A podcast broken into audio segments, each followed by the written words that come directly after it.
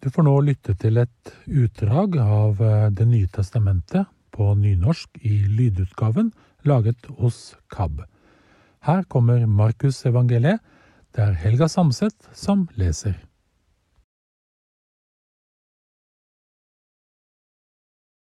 Evangeliet etter Markus Kapittel 1 Døyparen Johannes står fram. Her begynner evangeliet om Jesus Kristus, Guds sønn. Hos profeten Jesaja står det skrive. Sjå, eg sender min båbærar føre deg. Han skal rydda vegen for deg. Ei røyst ropar i øydemarka. Rydd Herrens veg. Gjær stigane hans rette. Slik sto døyperen Johannes fram i øydemarka. Han forkynte en omvendingsdåp som ga tilgjeving for syndene. Fra hele Judea og Jerusalem dro alle ut til han. De sanna syndene sine og ble døypt av han i Jordanelva. Johannes gikk i ei kappe av kamelhår og hadde et lærbelte om livet og han levde av grashopper og villhonning. Han forkynte. Det kjem ein etter meg som er sterkare enn eg, og eg er ikke verdig til å bøye meg ned og løysa sandalreima hans. Eg har døypt dykk med vatn, men han skal døypa dykk med Den heilage ande.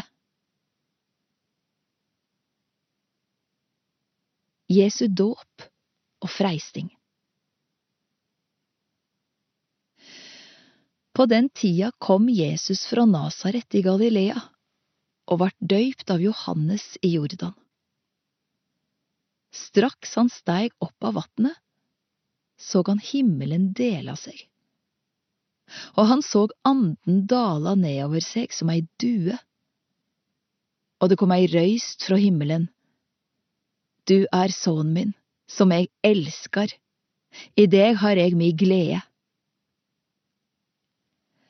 Straks etter dreiv anden han ut i øydemarka, og der var han i 40 dager og vart freista av Satan.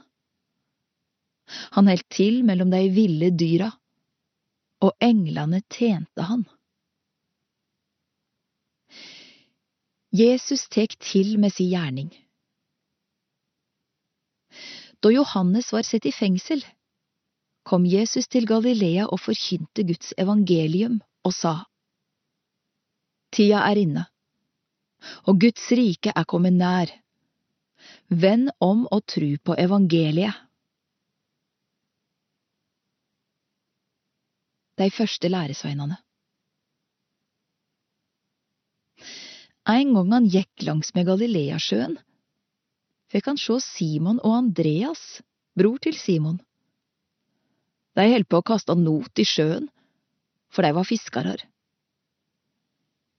Jesus sa til dei, Kom og følg meg, så skal jeg gjøre dykk til menneskefiskarar. Da gikk de beint fra garna sine og følgde han. Da Jesus kom litt lenger fram, fikk han sjå Jakob, sønnen til Sebedeus, og Johannes, bror hans. De satt i båten og bøtte garna da kalla han dei. Og dei let far sin, Sebedeus, bli att i båten sammen med arbeidskarane og følgde Jesus. Ein dag i Kapernaum. Så kom de til Kapernaum, og da det vart sabbat, gikk han inn i synagogen og underviste. Alle var fulle av undring over læra hans, for han lærte dei med myndig tale, og ikke som dei skriftlærde. Nå var det i synagogen deira ein mann med ei urein ånd. Han sette i og ropa. Hva vil du oss, Jesus fra Nasaret? Er du kommet for å øydelegge oss? Eg veit hvem du er, Guds heilage. Men Jesus truga ånda og sa, tei still og far ut av han. Og ånda reiv og sleit i mannen, skreik høgt og for ut av han. Da vart alle gripne av otte og undring. De snakka i munnen på hverandre og sa, Hva er dette? Ei ny, mektig lære. Han byr til og med de ureine åndene, og de lyer han. Og ordet om han for snart over hele Galilea-området. Fra synagogen gikk de heim til Simon og Andreas, sammen med Jakob og Johannes. Svigermor til Simon lå sjuk og hadde feber, og de fortalte det straks til Jesus. Han gikk bort til henne, tok henne i handa og reiste henne opp. Da slepte feberen henne, og hun stelte for deg. Da det var kveld og sola gikk ned, kom de til han med alle som var sjuke eller hadde vonde ånder. Hele byen var samla utenfor døra. Han lekte mange som lei av ulike sjukdommer, og dreiv ut mange vonde ånder. Men han let ikke de vonde åndene få tale, for de visste hvem han var.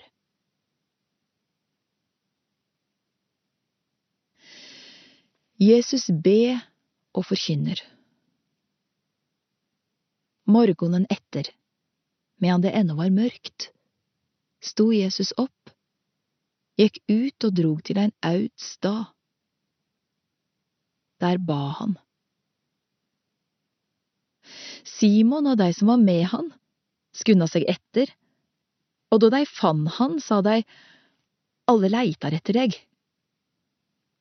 Men han svara, Lat oss fara videre til småbyene her omkring, så jeg kan forkynna der òg. Det er derfor jeg er kommet. Så drog han omkring i heile Galilea, forkynte i synagogane deira og dreiv ut de vonde åndene. Den spedalske mannen En mann som var spedalsk, kom til han, fall på kne og ba. Dersom du vil, kan du gjøre meg rein.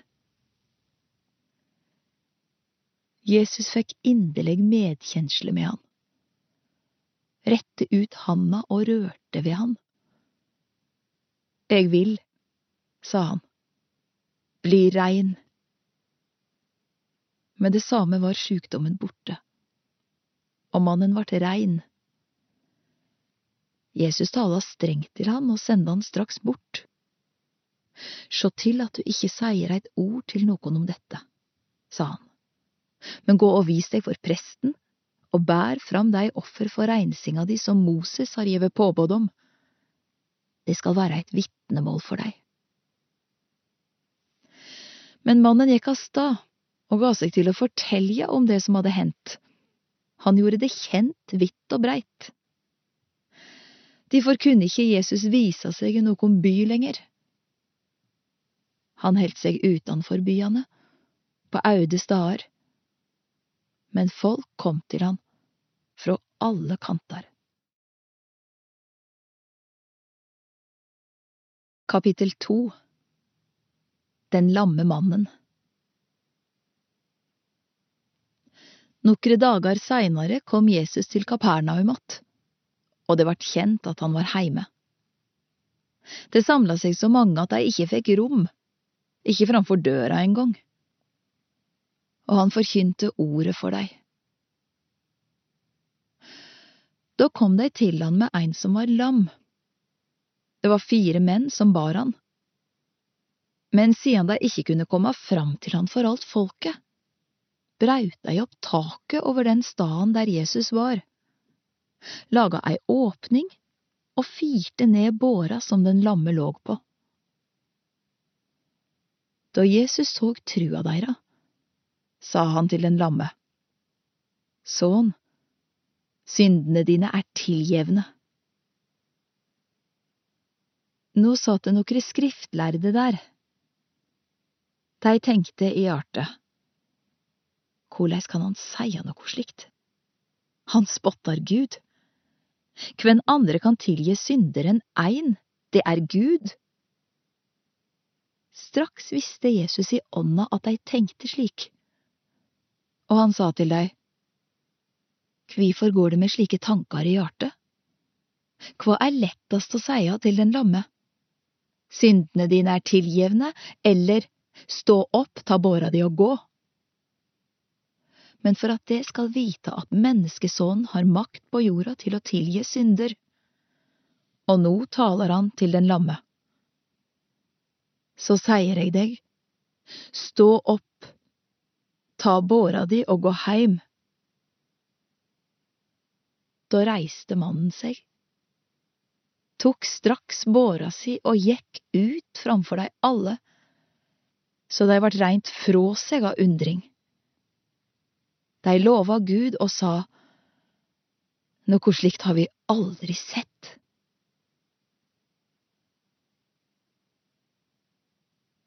Jesus kaller Levi. Jesus gikk ut langsmed sjøen att. Der kom det mykje folk til han, og han underviste dei. Da han gikk videre, fikk han sjå Levi, sønnen til Alfeus, som satt på tollbua. Jesus sa til han, Følg meg. Da reiste han seg og følgde han.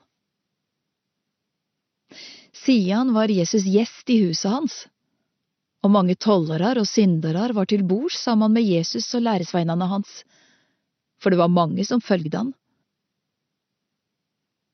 Da de skriftlærde mellom fariseerne såg at han åt sammen med syndarar og tollarar, sa de til læresveinene, Et han sammen med tollarar og syndarar? Jesus høyrde det, og sa til deg, det er ikke deg friske som trenger lege, men deg som har vondt. Jeg er ikke kommet for å kalle rettferdige, men syndarar. Fest og faste Fariseerne og læresveinene til Johannes helt faste. Folk kom og spurte Jesus, Kvifor fastar ikke dine læresveinar når læresveinane til Johannes og læresveinane til fariseerne gjør det? Kan vel bryllaupsgjestene fasta medan brudgommen er hos deg? svarer Jesus. Så lenge de har brudgommen hos seg, kan de ikke fasta. Men det skal komme ei tid da brudgommen blir teken fra deg, og når den dagen kjem, da skal de fasta. Ingen syr ein lapp av ukrympa tøy på eit gammalt klesplagg, for da riv den nye bota med seg eit stykke av det gamle plagget, og rifta blir verre. Og ingen fyller ny vin i gamle skinnsekker, for da sprenger vinen sekkene, vinen renner ut og sekkene blir øydelagde. Nei, ny vin i nye skinnsekker.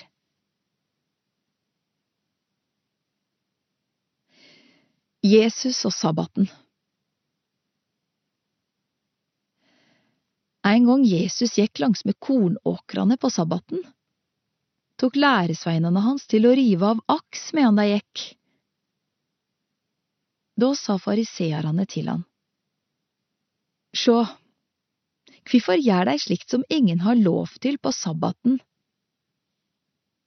Han svara, har de aldri lest hva David gjorde da han var i nau, og både han og mennene hans svalt?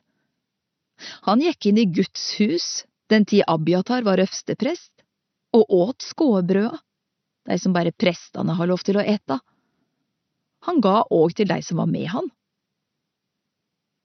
Og Jesus sa til deg, sabbaten var til for mennesket, og ikke mennesket for sabbaten.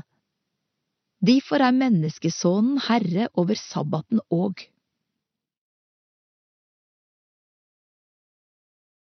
Kapittel 3 Han gikk inn i synagogen att. Der var det en mann som hadde ei visna hand. Og de helt auge med Jesus om han ville leke mannen på sabbaten, så de kunne få noe å klage han for. Men han sa til mannen med den visne handa, Reis deg og kom fram. Så spurte han de andre, Hva har ein lov til på sabbaten? Å gjøre godt eller gjøre vondt? Berga liv eller drepa? Men de svara ikke. Da så han på de som sto omkring, harm og sorgfull fordi de hadde så harde hjerte. Og han sa til mannen, Rett fram handa. Mannen så gjorde, og handa hans vart god att. Men fariseerne gikk ut, og sammen med herodianerne tok de straks til å legge planer mot Jesus for å ta livet av han.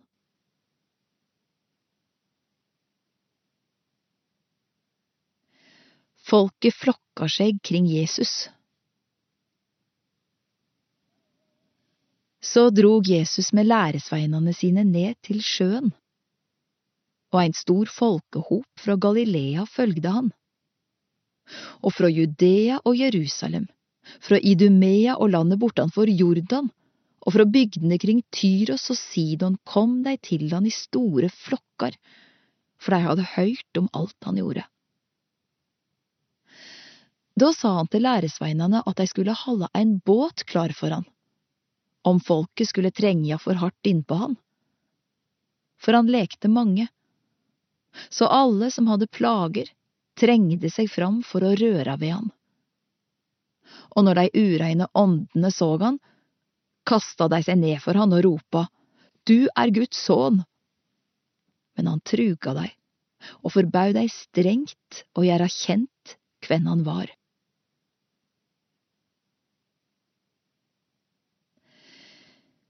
Jesus kaller de tolv apostlene. Så gikk Jesus opp i fjellet. Han kalla til seg de han ville, og de kom til han. Han peika ut tolv, som han òg kalla apostlar, for at de skulle være med han, og for at han kunne sende de ut for å forkynne og ha makt til å drive ut vonde ånder. Han peika ut ei tolv. Det var Simon, som han kalla Peter, Jakob, sønn til Sebedeus, og Johannes, bror hans. Disse to kalla han Boanerges, det tyr Toresøner. Og Andreas, Philip og Bartolomeus, Matteus, Thomas og Jakob, sønn til Alfeus, Tadeus, Simon Kananeos, og Judas Iskariot, han som sveik han. Jesu makt over vonde ånder. Med det samme han kom heim, strøymde folk på nytt sammen, så Jesus og læresveinene ikke engang fikk tid til å ete. Da hans egne fikk høre det, for de av stad for å ta hand om han. Han må være reint ifrå seg, sa de. Men de skriftlærde som var komne fra Jerusalem, sa, Beelsebul har fare i han. Det er ved hjelp av herskeren over de vonde åndene at han driver de vonde åndene ut. Da kaller han dei til seg og taler til dei i likningar. Korleis kan Satan drive ut Satan? Kjem eit rike i strid med seg sjølv, kan det riket ikke bli stående. Og kjem eit hus i strid med seg sjølv, kan det huset ikke bli stående. Har nå Satan sett seg opp mot seg sjølv og er kommet i strid med seg sjølv, kan han ikke stå seg. Det er ute med han. Men ingen kan gå inn i huset til den sterke og røve det han eig, om han ikke først har bundet den sterke. Da kan han plyndre huset hans. Sannelig, eg sier dykk. Alt skal menneska få tilgjeving for, både synder og spott, hvor mykje dei enn spottar. Men den som spottar Den heilage ande, får i all eve ikke tilgjeving, men er skuldig i evig synd. Dette sa han fordi de hadde sagt, han har ei urein ånd i seg.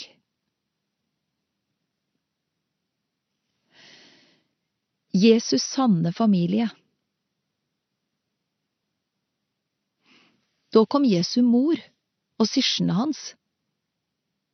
De vart stående utanfor, men sendte Bå inn og ba han komme ut. Det satt en stor flokk omkring han, og de sa til han, Mor di og brødrene dine og søstrene dine står utenfor og spør etter deg. Jesus svara, Hvem er mor mi og syskjena mine? Og han så på de som satt omkring han og sa, Sjå, her er mor mi og syskjena mine. Den som gjør Guds vilje, er bror min, syster mi og mor mi.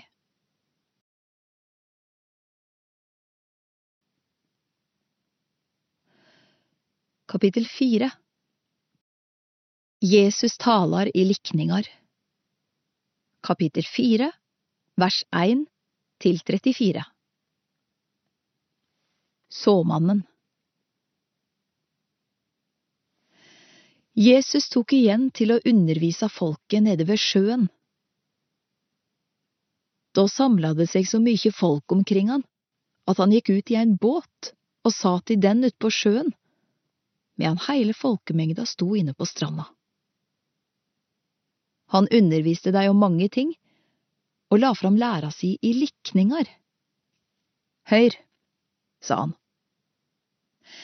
Ein såmann gikk ut for å så, og da han sådde, fall noko attmed vegen, og fuglane kom og åt det opp.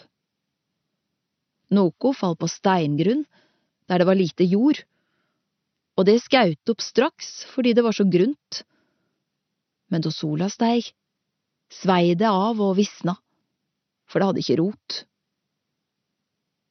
Noko fall mellom klunger, og klungeren voks opp og kvelte det, så det ikke ga grøde. Men noko fall i god jord. Det skaut opp, voks og ga grøde.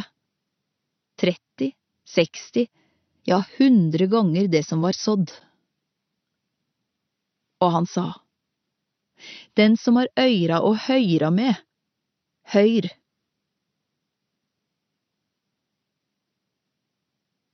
Da han vart åleine med dei tolv og dei andre som var med han, spurde dei han om likningane. Han svara, Til dykk er løgndommen om Guds rike gjeven men til dei som er utanfor, blir alt gjeve i likningar, for at dei skal sjå og sjå, men ikkje skilja, høyra og høyra, men ikkje forstå, så dei ikkje vender om og får tilgjeving. Og han sa til dei, når dei ikkje skjønar denne likninga, korleis kan de da i det heile skjøna likningar? Såmannen sår ordet.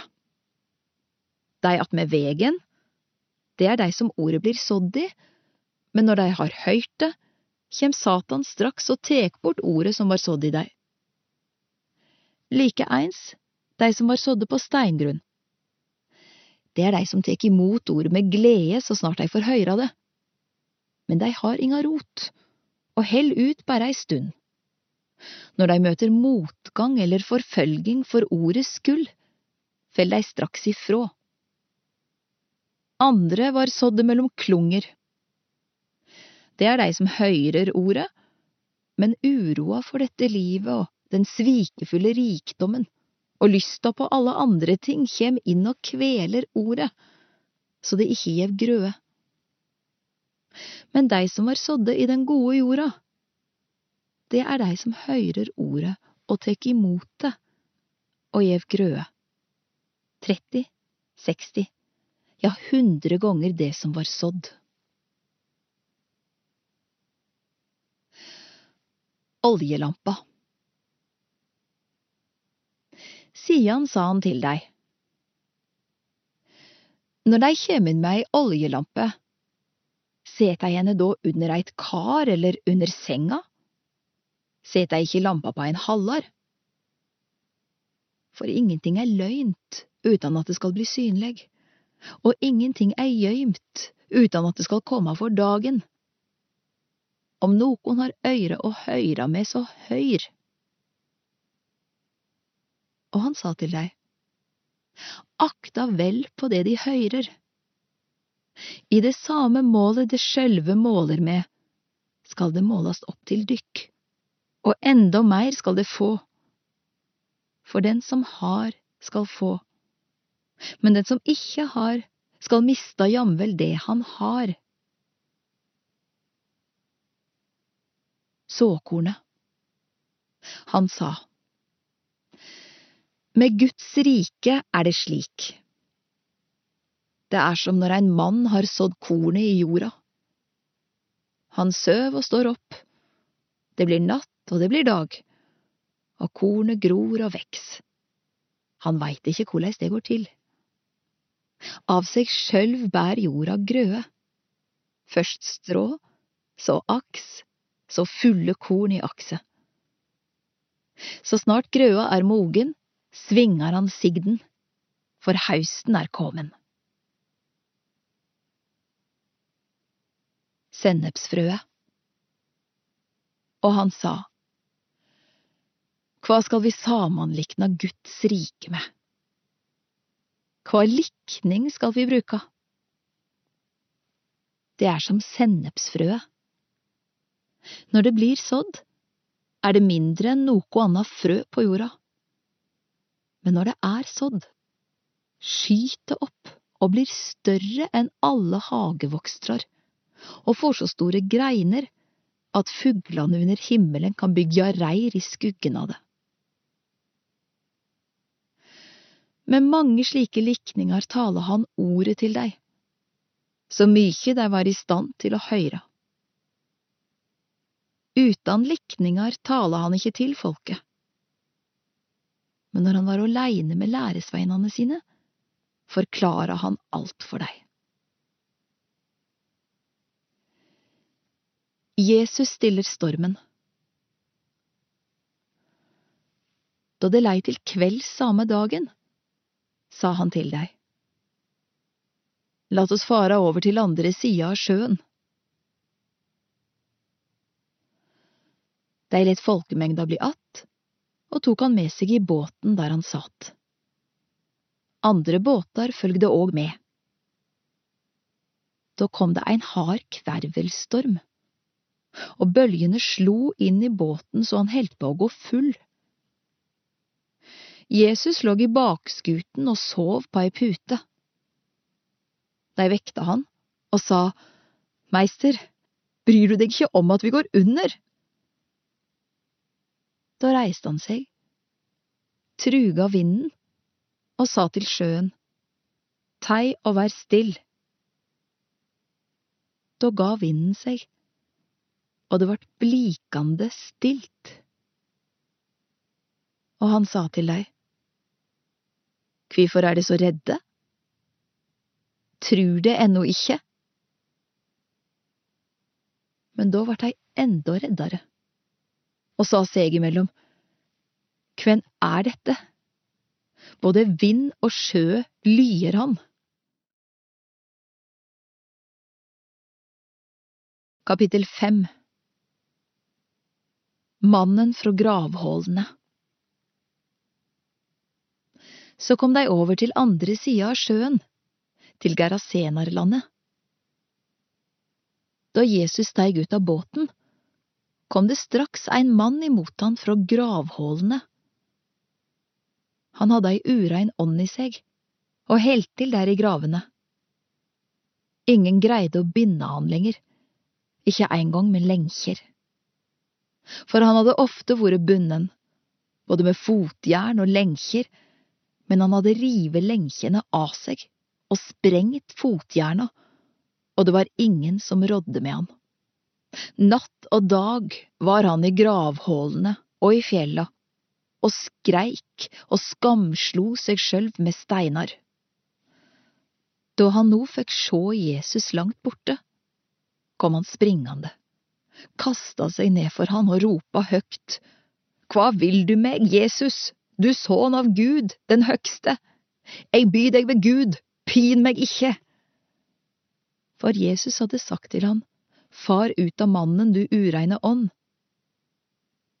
Nå spurte Jesus han, Hva er navnet ditt? Legion er navnet mitt, svarer han, for vi er mange. Og han naudba Jesus at han ikke måtte drive dei ut av området. Det gikk en stor griseflokk og beite der attmed fjellet, og de ureine åndene ba han, send oss bort til grisene, så vi kan fara inn i deg. Det let han dei gjøre. Da for de ureine åndene ut av mannen og inn i grisene, og flokken, om lag to tusen dyr, sette utfor stupet og ned i sjøen, og der drukna de. De som gjette grisene, sprang av stad og fortalte om det i byen og grendene omkring, og folk dro ut og ville se hva som hadde hendt. Da de kom fram til Jesus, fikk de se han som hadde hatt alle de vonde åndene i seg, sitte der påkledd og med sitt fulle hvit. Da ble de redde. De som hadde sett på, fortalte hvordan det hadde båret til med han som hadde hatt de vonde åndene, og med grisene. Da ba de Jesus dra bort fra området deres. Jesus gikk i båten, og han som hadde hatt de vonde åndene, ba om å få være med han. Men Jesus ga han ikke lov til det. Han sa, Gå heim til dine og fortell hvor store ting Herren har gjort for deg, og hvor god Han har vært mot deg. Så gikk han av stad og tok til å fortelle rundt omkring i Dekapolis om alt det Jesus hadde gjort for han, og alle undra seg.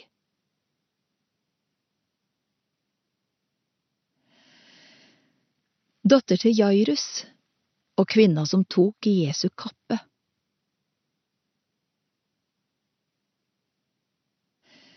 Da Jesus var kommet over til andre sida att med båten, samla mykje folk seg om han. Men han var nede ved sjøen, kom ein av synagogeforstandarane. Han heite Jairus. Da han fikk sjå Jesus, kasta han seg ned for føttene hans og ba han inderleg. Dotter mi held på å døy. Kom og legg hendene på henne, så hun kan bli frisk og få leva. Jesus gikk med han, og en stor folkehop følgde etter og trengte seg innpå han. Det var ei kvinne der som hadde hatt blødingar i tolv år. Hun hadde liet mykje hos mange leger, og hun hadde brukt alt hun eide uten å få hjelp. Det hadde heller blitt verre med henne. Hun hadde fått høre om Jesus og nå kom hun bakanfrå i folkemengda og rørte ved kappa hans. For hun tenkte, om jeg så bare får ta i kleda hans, blir jeg frisk. Da stansa blodet med en gang, og hun kjente det på seg, at hun var lekt og kvitt plaga.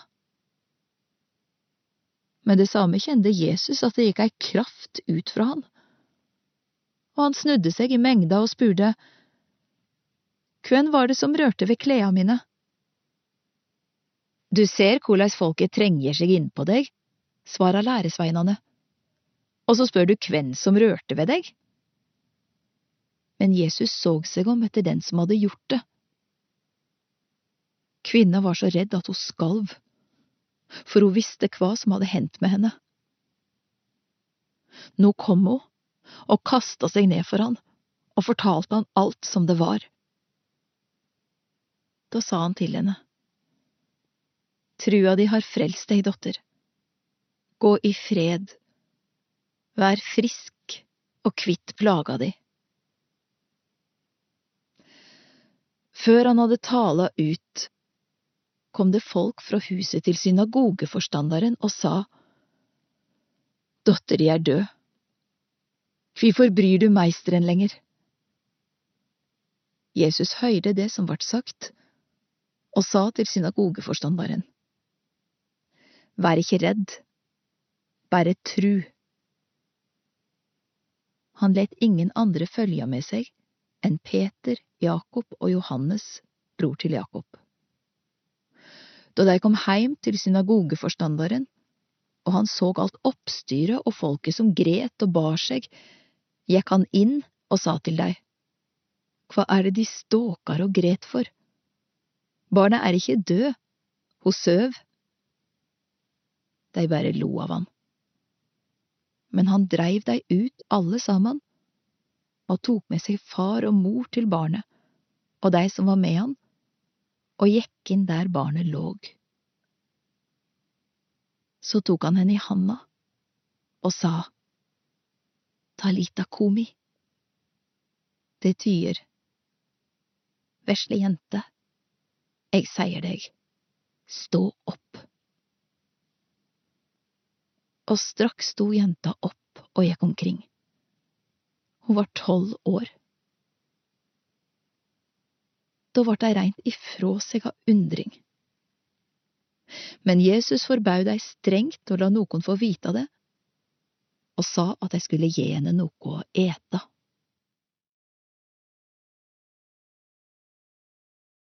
Kapittel 6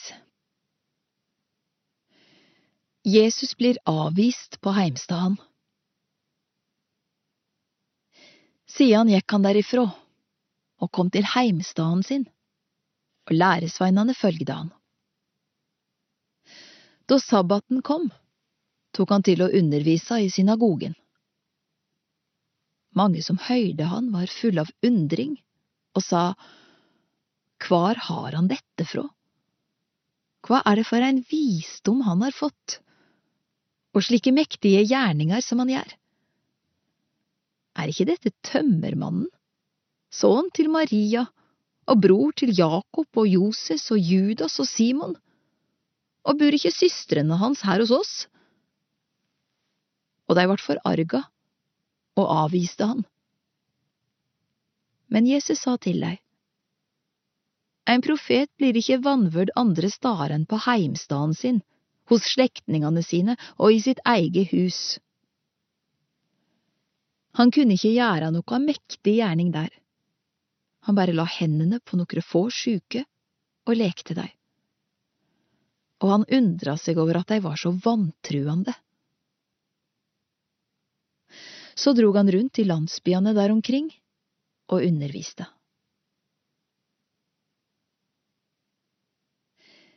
Jesus sender ut apostlene. Jesus kalla til seg de tolv og tok til å sende dei ut, to og to, og ga dei makt over de ureine åndene. Han sa til dei at dei ikke skulle ta noe anna med seg på vegen enn ein stav. ikke brød, ikke væske, ikke kåparmyntar i beltet. Dei skulle ha sandaler på føttene, men ikke ha på seg mer enn en kjortel. Og han sa til dei, Når de har tatt inn i eit hus, så vær der til det fær vidare. Og er det nokon stad dei ikke tek imot dykk, og ikke vil høyra på dykk, skal det fara derifrå og rista støvet av føttene. Det skal være et vitnemål mot deg. Så tok de ut og forkynte for folket at de skulle vende om.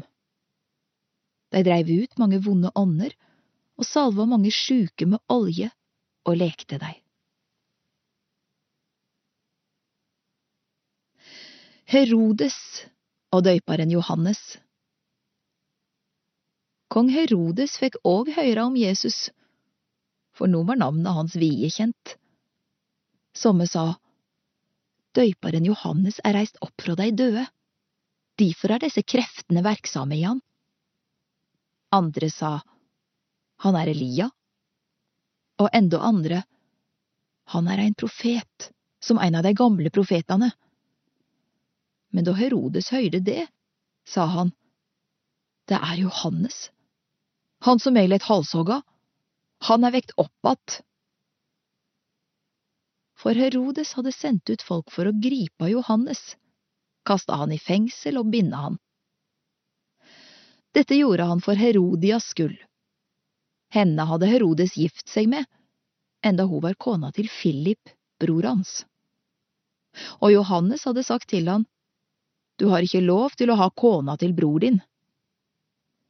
Derfor var Herodias ute etter han og ville få han drepen, men hun greide det ikke. For Herodes hadde respekt for Johannes. Han visste at han var en rettferdig og heilag mann, og han heldt si hand over han. Når han høyrde Johannes, vart han urolig og rådvill. Likevel høyrde han gjerne på han. Men så baud det seg eit høve.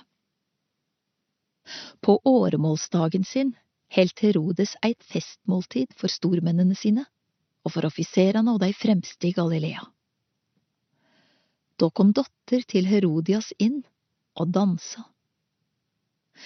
Herodes og gjestene ble så oppglødde over dette at kongen sa til jenta, Be meg om hva du vil, så skal jeg gi deg det.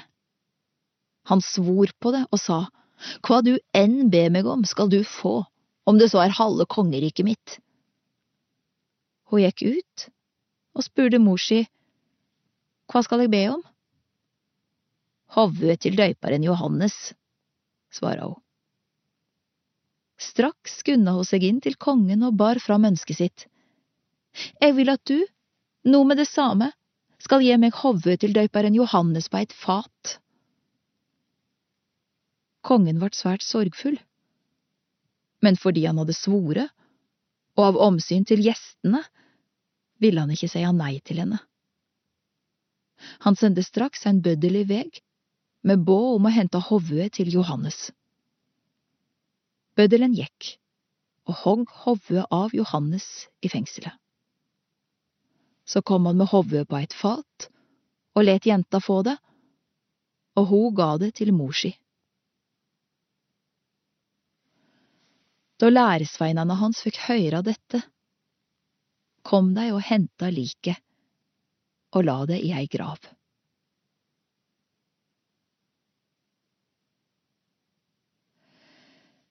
Jesus mettar 5000.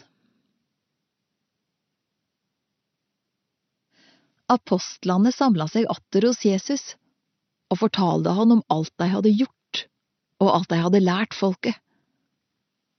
Da sa han til dei, Kom med meg til en aud stad der vi kan være åleine, og kvil dykk litt. For det var så mange som kom og gikk, at de fikk ikke tid til å ete engang. Så dro de ut med båten til en aud stad, for å være for seg sjølve. Men mange så at de drog bort, og kjente de att, og fra alle byene kom folk springende og nådde fram før dei. Da Jesus steig i land, fikk han sjå ei stor folkemengd. Han fikk inderlig medkjensle med dei for dei var som sauer uten gjeter. Og han ga seg til å undervise dei om mange ting. Men da det lei langt på dag, kom læresveinane til han og sa, Dette er ein aud stad, og dagen li. Send folket frå deg, så de kan gå bort i grendene og landsbyene her omkring og kjøpe seg noe å ete. Det skal gi deg mat, svarer Jesus. De sa, Skal vi gå og kjøpe brød for 200 denarer, så de kan få seg mat? Hvor mange brød har de? spurte han. Gå og sjå etter. Da de hadde gjort det, sa de, Fem brød og to fisker. Da sa han at de skulle la alle sette seg sammen i matlag i det grønne graset. Og de slo seg ned rad på rad, somme på hundre og somme på femti. Så tok Jesus de fem brøda og de to fiskene, så opp mot himmelen og ba takkebøna. Og han braut brødet og ga det til læresveinene, så de skulle by rundt til folket. De to fiskene delte han òg ut, så alle fikk. Og alle åt og vart mette. Etterpå samla de opp det som var att av brøda og fiskene, og det var tolv fulle korger.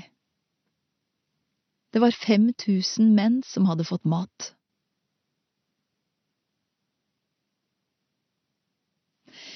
Jesus går på vatnet.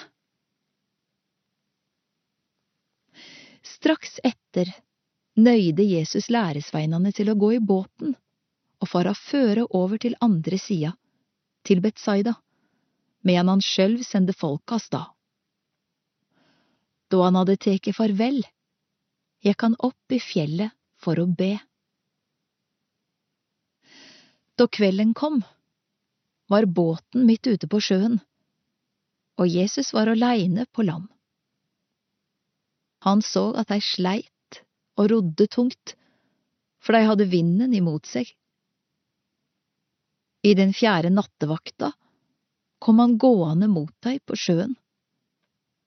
Han ville gå framom, men da de så han gå på vatnet, trudde de at det var eit gjenferd, og skreik høgt, for alle så han og vart gripne av redsle. Men i det samme tala Jesus til deg, Vær ved godt mot, det er eg, vær ikke redde. Så steig han opp i båten til deg, og vinden stilna. Men de var reint ifrå seg av undring. For de hadde ikke tatt lærdom av det som hadde hendt med brøda. Så harde var hjarta deira.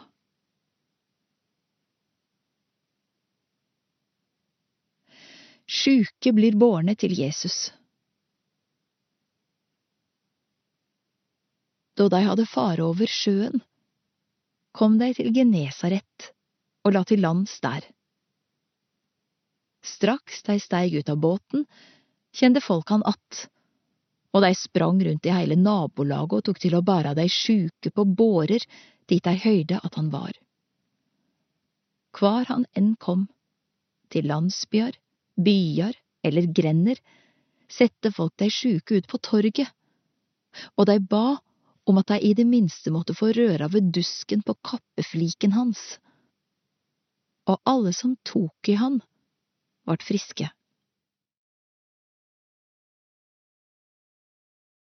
Kapittel 7 Menneskebå og Guds bå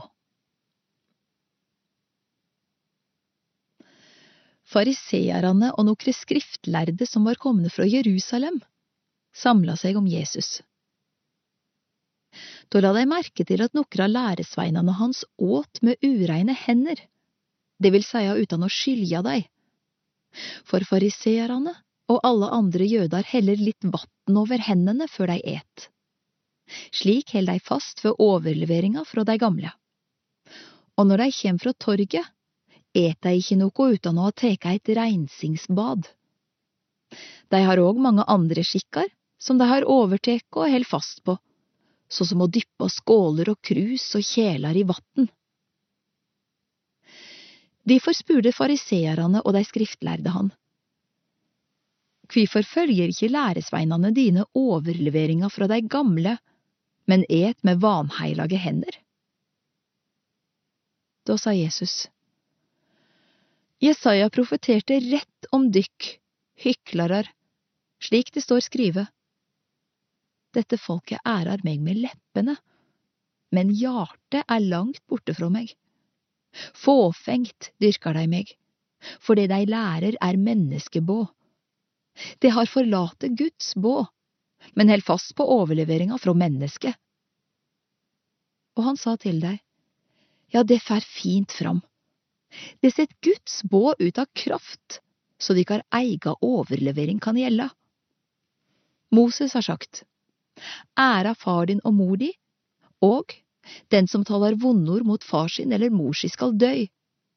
men det godkjenner likevel at noen sier til far sin eller mor si, den hjelpa du skulle hatt fra meg, skal være en korban, det er ei gåve til tempelet. Da leter han ikke få gjøre noe for far eller mor. Slik setter Guds ord til sies av omsyn til den overleveringa det har gjeve videre, og slikt gjør det mykje av. Så kalla han folket saman att og sa, Hør på meg alle og forstå. Ikke noe av det som kjem inn i mennesket utanfrå kan gjøre det ureint. Nei, det er det som går ut av mennesket som gjør mennesket ureint. Den som har øyre å høyre med, høyr.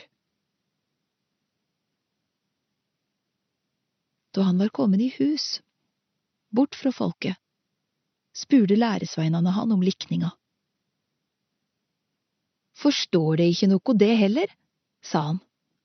Skjønner de ikke at ingenting av det som kjem inn i mennesket utanfrå kan gjøre det ureint? Det kjem da ikke inn i hjartet, men fær ned i magen og ut dit det skal.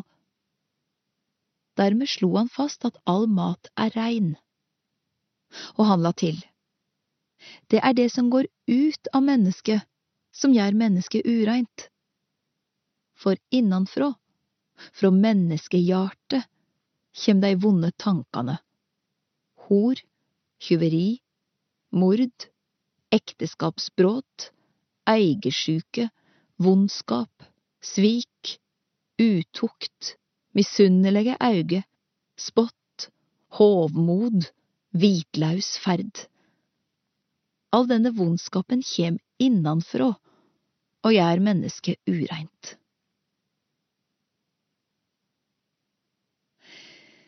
Kvinna fra Fønikia Så tok han ut derifrå og for til Tyros-området.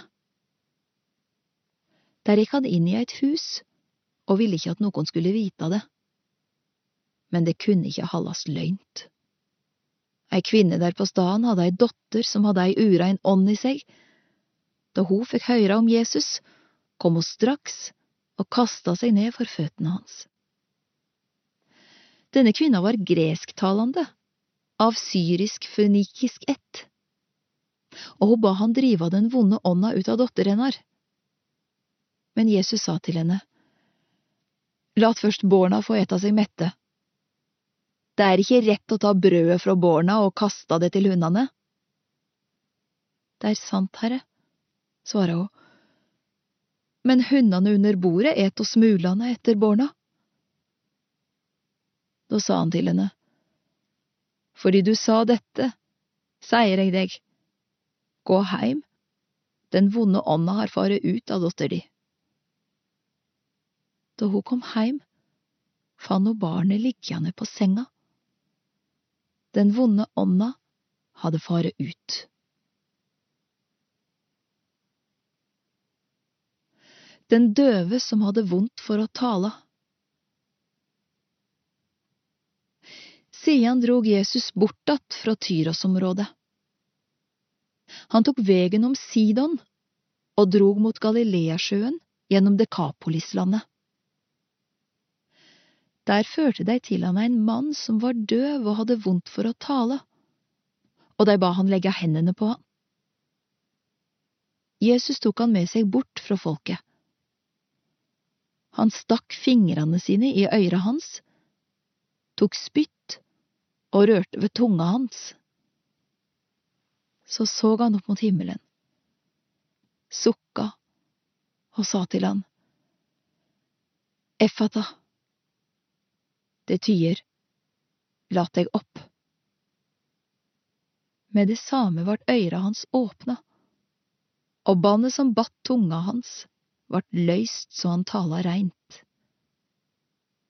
Jesus forbaud deg å seia det til nokon, men de meir han forbaud det, de meir gjorde dei det kjent. Folk undra seg storleg og sa, Alt han har gjort er godt han får døve til å høyra og stumme til å tale.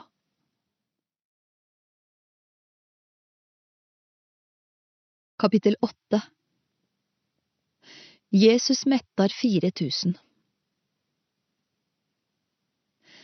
En annan gong på den tida var mykje folk samla, og dei hadde ikkje noko å ete. Da kalla Jesus læresveinene til seg og sa, Eg synes inderlig synd på folket. Nå har de alt vore hos meg i tre dager, og de har ikke noe å ete. Let jeg dei fara svoltne heim, blir de reint utmatta på vegen, for somme av de har kommet langt bortanfrå. Kvar kan ein få tak i brød til å mette alle disse her i øydemarka? svarer læresveinene. Hvor mange brød har det? spurte Jesus.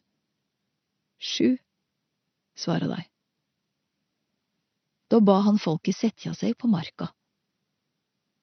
Så tok han dei sju brøda, ba takkebønna, braut dei og ga til læresveinene så dei skulle dela dei ut og dei delte ut til folket. Nokre få småfiskar hadde dei òg. Jesus velsigna dei og sa at dei òg skulle delast ut. Dei åt og vart mette. Etterpå samla dei opp brødstykka som var til overs, sju store korger. Det var omkring fire tusen mennesker der og han let dei dra heim. Straks etter gikk han i båten med læresveinene og kom til bygdene ved Dalmanuta. Krav om teiken Nå kom fariseerne og ga seg i ordskifte med Jesus. De ville sette ham på prøve og ba om ei teiken fra himmelen. Da sukka han djupt og sa, Kvifor krev denne slekta ei teiken? Sannelig, eg seier dykk, denne slekta skal aldri få noe teiken. Dermed gikk han frå deg, steig i båten og drog over til andre sida. den farlige surdeigen. Men læresveinane hadde glemt å ta med brød. De hadde bare eit einaste brød med seg i båten. Da ga Jesus seg til å åtvare dei, og sa, Pass og hold dykk unna surdeigen til fariseerne og surdeigen til Herodes. Men de snakka seg imellom om at de ikke hadde brød. Jesus merka det og sa til dem, Hvorfor snakker de om at de ikke har brød? Ser de ennå ingenting? Skjønar de ikke? Har de så harde hjarte? De har auge, ser det ikke? det har øyre, høyrer det ikke? Hugsar det ikke den gangen eg braut dei fem brøda til dei fem tusen? Hvor mange korger fulle av brødstykker samla de opp da? Tolv, svara de. Og da eg braut dei sju brøda til dei fire tusen, hvor mange korger med brødstykker samla de opp da? Sju, svara de. Skjønar det ennå ingenting? sa han. Den blinde mannen i Betsaida. Så kom de til Betsaida. Der førte de en blind mann til Jesus og ba han røra ved han. Jesus tok den blinde i handa og leide han ut av landsbyen. Så spytta han på auga hans, la hendene på han og spurte, Ser du noe? Mannen så opp og sa, jeg ser menneske, For jeg skimter noe som liknar tre som går omkring. Så la Jesus på nytt hendene over auga hans. Da braut synet hans fram. Han vart god att og kunne sjå alt klårt. Og Jesus sende han heim. Men gå ikke inn i landsbyen, og sei det ikke til nokon der, sa han. Peters vedkjenning Sidan for Jesus og læresveinene hans bort til landsbyene ved Cesarea Filippi. På vegen spurte han læresveinene, Hvem sier folk at jeg er?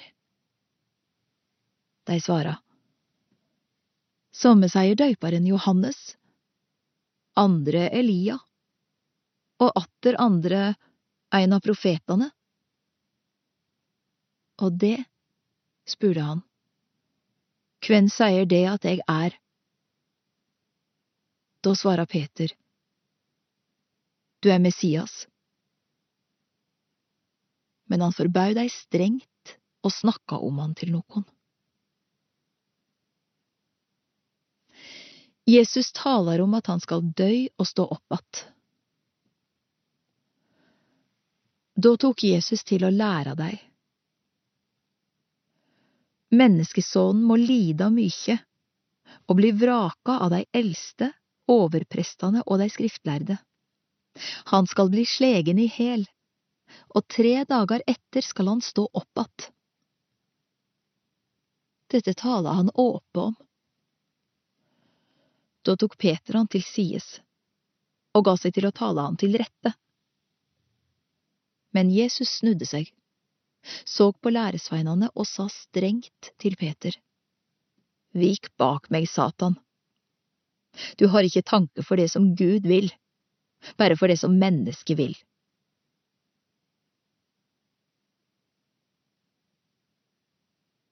Å følge av Jesus.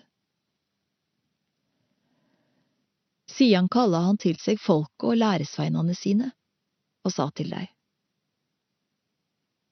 Vil noen følge etter meg, må han seie nei til seg sjølv og ta krossen sin opp og følge meg. For den som vil berga livet sitt, skal mista det. Men den som mister livet sitt for mi skyld og for evangeliet, skal berga det. Hva gagnar det eit menneske om det vinn heile verda, men taper si sjel? Og hva kan eit menneske gi til vederlag for si sjel?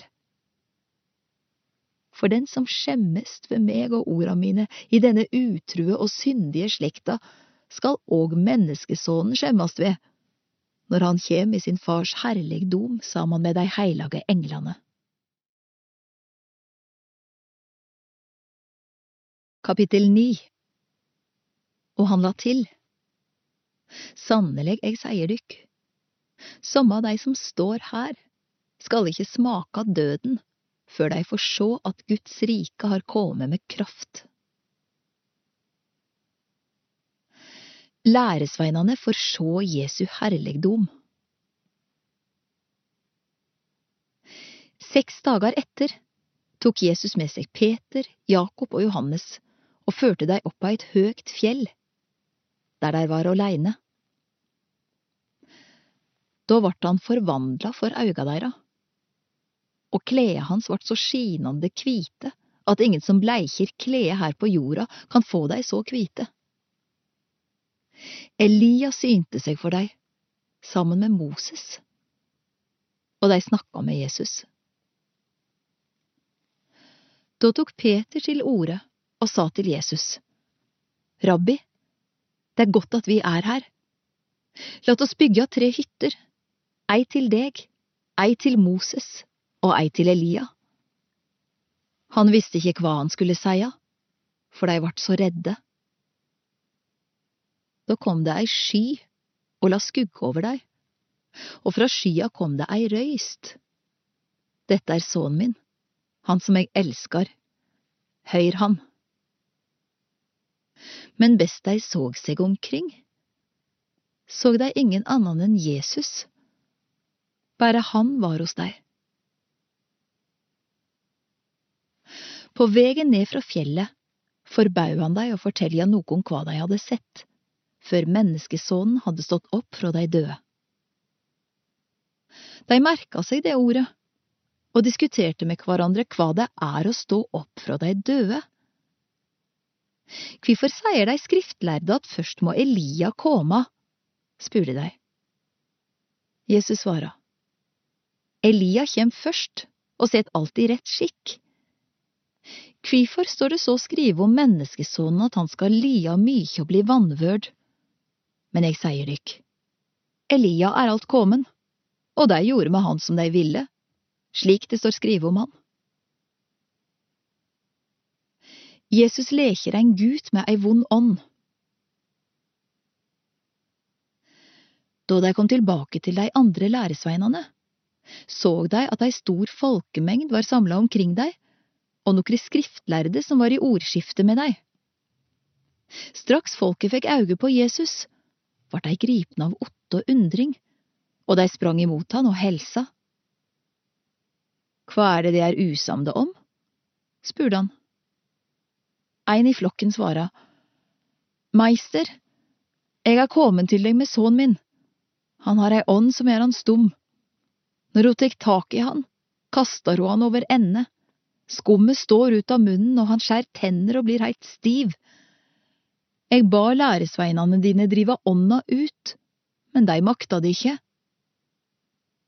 Da sa Jesus til dei, Du vantruande slekt, hvor lenge skal eg være hos dykk?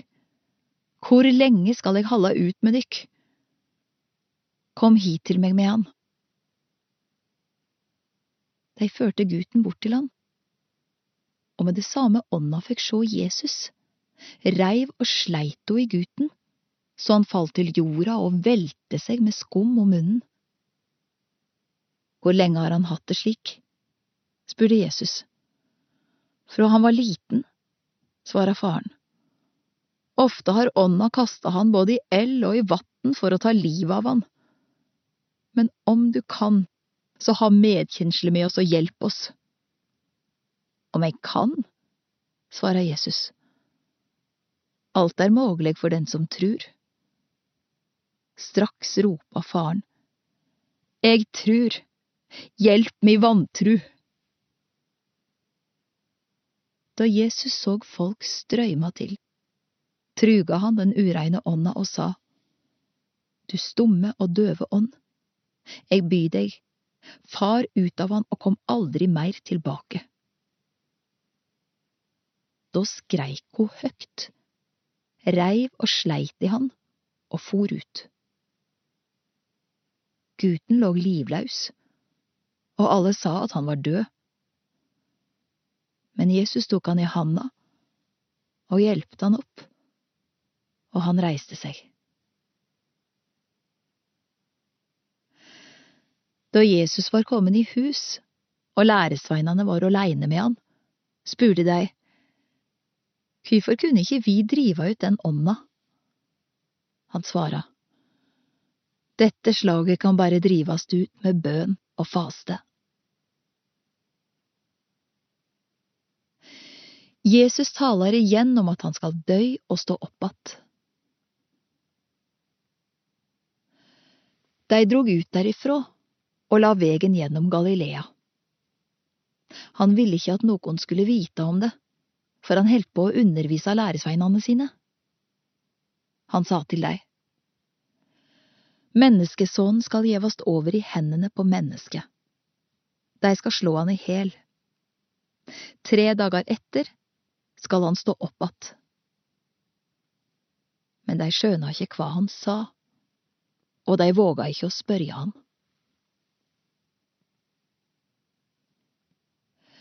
Kven er den største?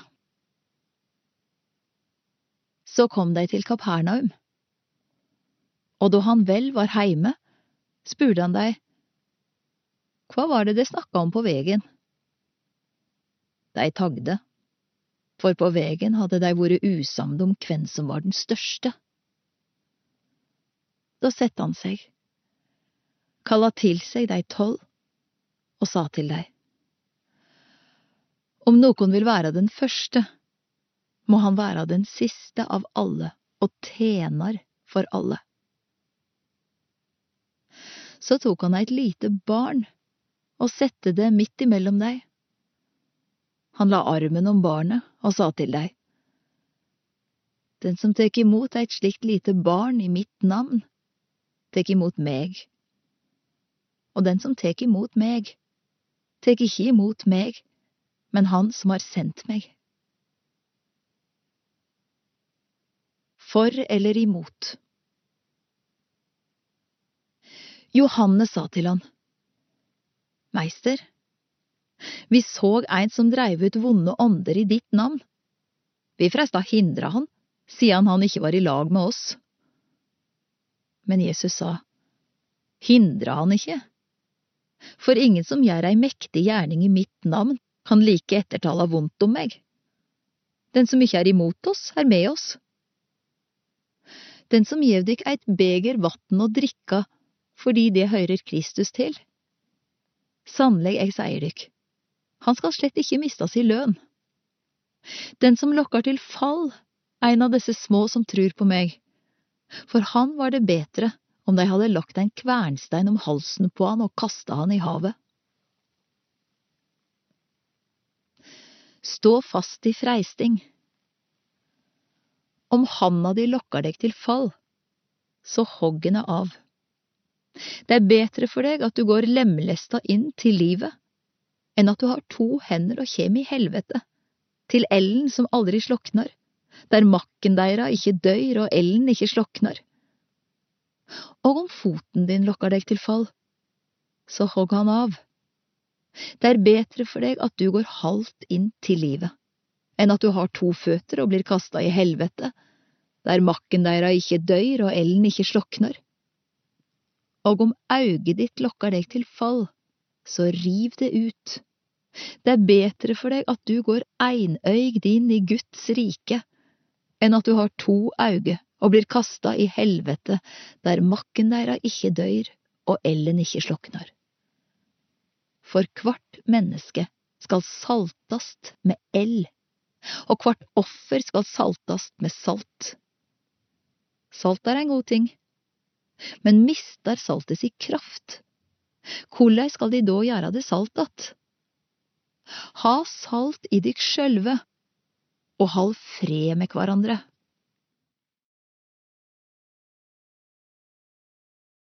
Kapittel 10 Ekteskap og skilsmisse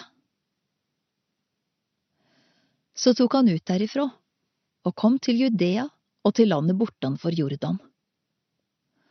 Folket samla seg atter omkring han, og han underviste dei slik han hadde for vane. Da kom det nokre fariseere og spurte han, Har ein mann lov til å skilje seg fra kona si? De ville sette han på prøve. Hva bå fikk de av Moses? sa Jesus. De svara. Moses har gitt mannen lov til å skrive skilsmissebrev og sende henne fra seg. Da sa han til dei. Fordi hjarta dykkar er så harde, har Moses gjeve dykk dette bået. Men i opphavet, da alt vart til, skapte Gud dei som mann og kvinne. Difor skal mannen forlata far sin og mor si og halda fast ved kvinna si, og de to skal være ein kropp. Så er de ikke lenger to, de er én kropp, og det som Gud har bundet sammen, skal ikke mennesket skilje.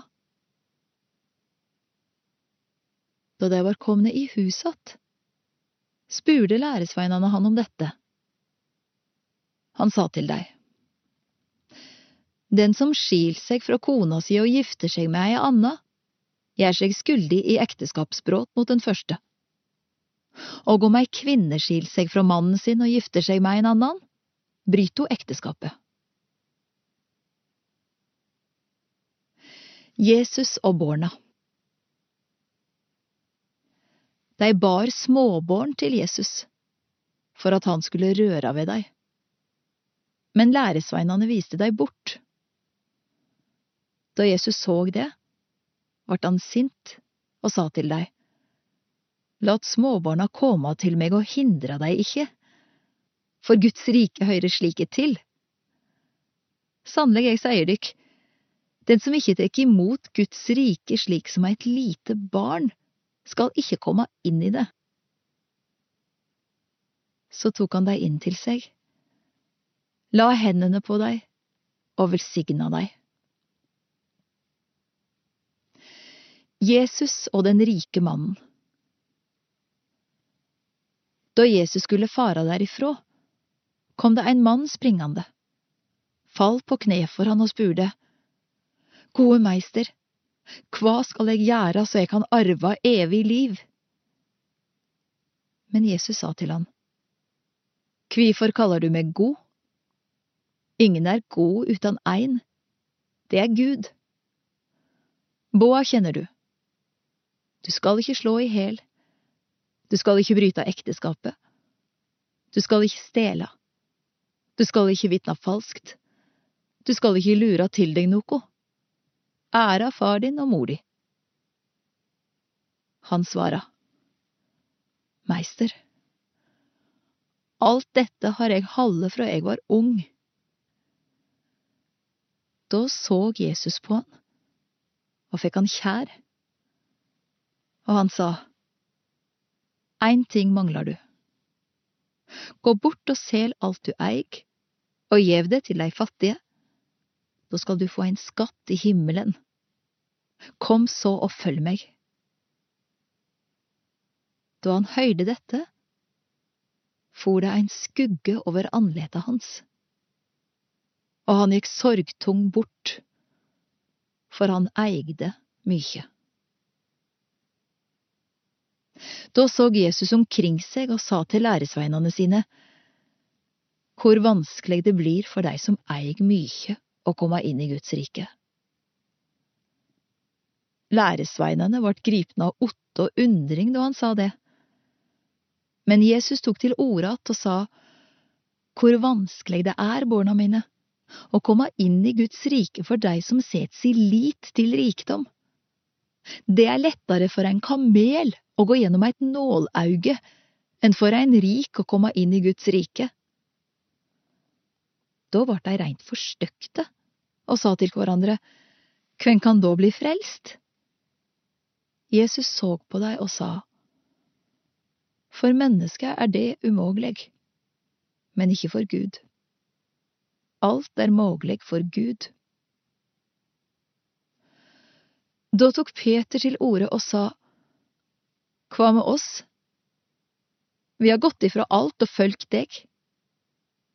Jesus svara, Sannelig, jeg sier dykk, ingen har forlate hus eller brød eller systrer eller mor eller far eller barn eller åkrar for mi skyld eller for evangeliets skyld, uten at han skal få det att hundre ganger. Her i denne tida skal han få hus, brød, systrer, mødrer, barn og åkrar. Men han skal òg bli forfølgd. Og i den verda som kjem, skal han få evig liv. Men mange som er dei første, skal bli dei siste, og dei siste skal bli dei første.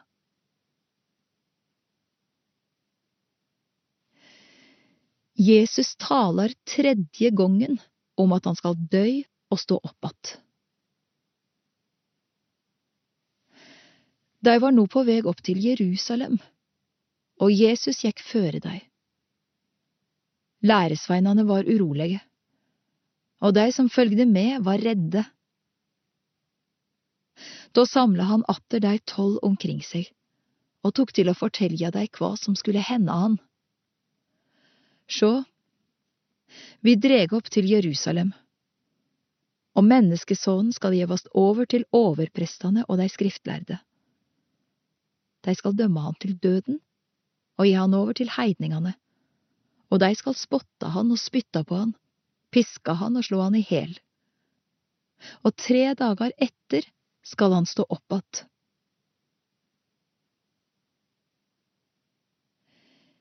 Ikke råa, men tena. Jakob og Johannes, sønnene til Sebedeus, kom til Jesus og sa, Meister, det er noe vi vil be deg gjøre for oss. Hva vil det at jeg skal gjøre for dykk? spurte han. De svara, Lat oss få sitja attmed deg i din herligdom, den ene på høyre og den andre på venstre sida di. Det veit ikke hva det ber om, sa Jesus. Kan det drikke det begeret jeg drikk, eller døypast med den dåpen jeg blir døypt med? Det kan vi, svara dei. Da sa Jesus til dei, Det begeret jeg drikk, skal det drikke, og den dåpen jeg blir døypt med, skal det døypast med. Men kven som skal sitte på mi høgre og venstre side, er det ikke mi sak å avgjøre. Der skal dei sitja som det er gjort i stand for. Da de ti andre høyrde dette, vart dei sinte på Jakob og Johannes. Men Jesus kalla dei til seg og sa, Det veit at dei som blir rekna for å være fyrstar over folka, undertrykker dei, og stormennene deira styrer med hard hand. Men slik er det ikke blant dykk. Den som vil bli stor blant dykk, skal være tjeneren dykkar, og den som vil være først blant dykk, skal være slave for alle. For ikke engang menneskesonen er kommet for å la seg tjene, men for sjølv å tjene, og gi livet sitt til løysepenge for mange. Den blinde Bartimeus Så kom de til Jeriko. Og da Jesus drog ut av byen sammen med læresveinene sine og ei stor folkemengd, satt det en blind tigger attmed vegen. Han heiter Bartimeus og var sønn til Timeus. Da han høyrde at det var Jesus fra Nasaret som kom, sette han ned og ropa. Jesus, du Davids sønn, miskunna deg over meg! Mange tala hardt til han og ba han teia men han ropa, bare enda høgare, Du, Davids sønn, miskunna deg over meg! Da stogga Jesus og sa, Rop på han. De ropa på den blinde og sa til han, Vær ved godt mot, reis deg opp, han kaller på deg.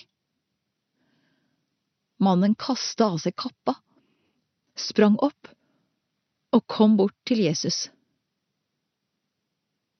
Hva vil du at jeg skal gjøre for deg? spurte Jesus. Den blinde svara, Rabuni, lat meg få att synet. Da sa Jesus til ham, Gå du, trua di har frelst deg. Med det samme kunne han sjå og han følgde Jesus på vegen.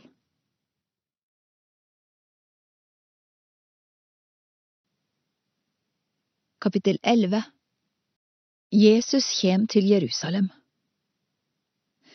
Kapittel 11 til 12 Jesus rid inn i Jerusalem. Da de nærma seg Jerusalem, og var komne til Betfage og Betania ved Oljeberget, sendte Jesus to av læresveinene i veg og sa til dei, Gå bort til den landsbyen som ligger framfor dykk. Straks de kjem inn der, finn det ein eselfole som står bunnen, og som det aldri har sete nokon på. Løys han, og kom hit med han. Og er det nokon som spør hva er det det gjør, skal det svare, Herren har bruk for han og sender han straks tilbake. Så gikk de og fann folen, som stod bunden ute i gata attmed ei dør, og de løyste han. Nokre av de som sto der, sa til dei, Hva er det de gjør, løyser de folen? De svara så som Jesus hadde sagt, og da fikk de gå. Så kom de til Jesus med folen, og la kappene sine på ham, og Jesus sette seg oppå.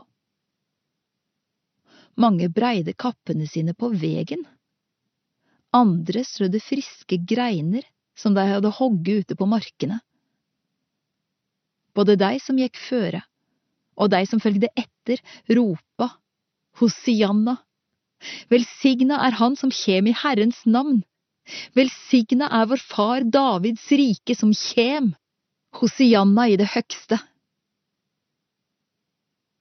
Han kom inn i Jerusalem og gikk opp på tempelplassen. Der så han seg omkring alle stader, men siden det lei mot kveld, drog han ut til Betania med dei tolv.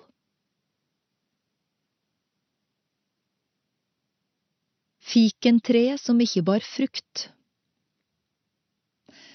Dagen etter, da de gikk fra Betania, ble Jesus sulten. Langt borte så han et fikentre med lauv på. Han gikk dit og ville sjå om han kunne finne noe på det. Men da han kom bortåt, fant han bare lauv, for det var ikke tid for fiken. Da sa han til treet, Aldri meg skal noen ete frukt av deg. Og læresveinene høyde det.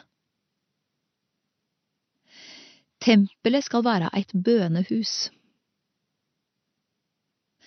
Da de kom til Jerusalem, gikk Jesus inn på tempelplassen og tok til å drive ut de som selde og kjøpte der. Han velte borda til pengevekslerne og benkene til de som selde duer, og han ga ingen lov til å bære noe over tempelplassen. Og han lærte deg. Står det ikke skrive, Mitt hus skal kalles et bønehus for alle folk, men det har gjort det til ei røvarhåle. Overprestene og de skriftlærde fikk høyre dette, og de freista å finne ei råd til å ta livet av han. For de var redde han, fordi hele folket var overveldet av læra hans. Da det vart kveld, gikk Jesus og læresveinene ut av byen. Tru og bøn Tidlig om morgenen gikk de forbi fikentreet, og da så de at det hadde visna heilt ifra rota. Peter kom i hug Jesu ord og sa, Rabbi, sjå fikentreet som du forbanna, det har visna og Jesus svarer deg, Ha tru til Gud. Sannelig, jeg sier dykk, om noen sier til dette fjellet, lyft deg opp og kast deg i havet, og han ikke har tvil i hjertet, men trur det vil gå som han sier, så skal det gå slik. Derfor sier jeg dykk, alt det be om i bønene dykkar, tru at det har fått det, og det skal få det men når de står og ber og har noe å klage en annen for, så tilgjev han. Da skal òg far dykkar i himmelen tilgi dykk misgjerningane dykkar. Men om det ikke tilgjev, skal heller ikke far dykkar i himmelen tilgi dykkar misgjerningar. Jesu fullmakt Igjen kom de inn i Jerusalem og medan Jesus gikk omkring på tempelplassen, kom overprestene, de skriftlærde og dei eldste til ham og sa, Hva rett har du til å gjøre dette? Eller kven har gjeve deg fullmakt til å gjøre det? Jesus sa til deg, Jeg har òg et spørsmål til dykk. Svar meg på det, så skal jeg seie dykk hva fullmakt jeg har til å gjøre dette. Johannesdåpen, var den fra himmelen eller fra mennesket? Svar meg på det. De samrådde seg med hverandre og sa, Svarar vi fra himmelen, vil han seia, kvifor trudde de han da ikke? Skal vi svara fra mennesket? Men de var redde folket, for alle mente at Johannes virkelig var en profet. De får svare deg, det veit vi ikke.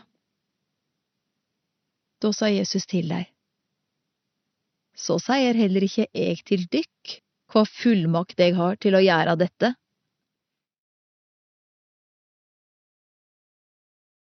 Kapittel 12 Vinbøndene og arvingen Så tok han til å tale til deg i likninger ein mann planta ei vinmark. Han sette gjerdet rundt, hogg ut ei vinpresse og bygde eit vakttårn. Så leide han marka bort til nokre vinbønder og drog utenlands. Da tida kom, sendte han en tjener til bøndene for å få sin del av avlinga. Men de greip tjeneren, skamslo han og sendte han tomhendt bort.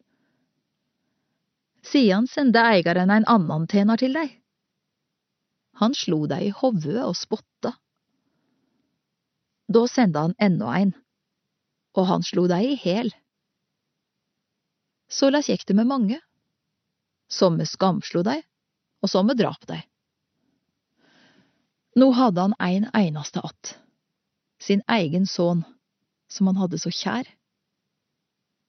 Til sist sendte han sønnen til deg, for han tenkte, sønnen min har deg nok vørnad for.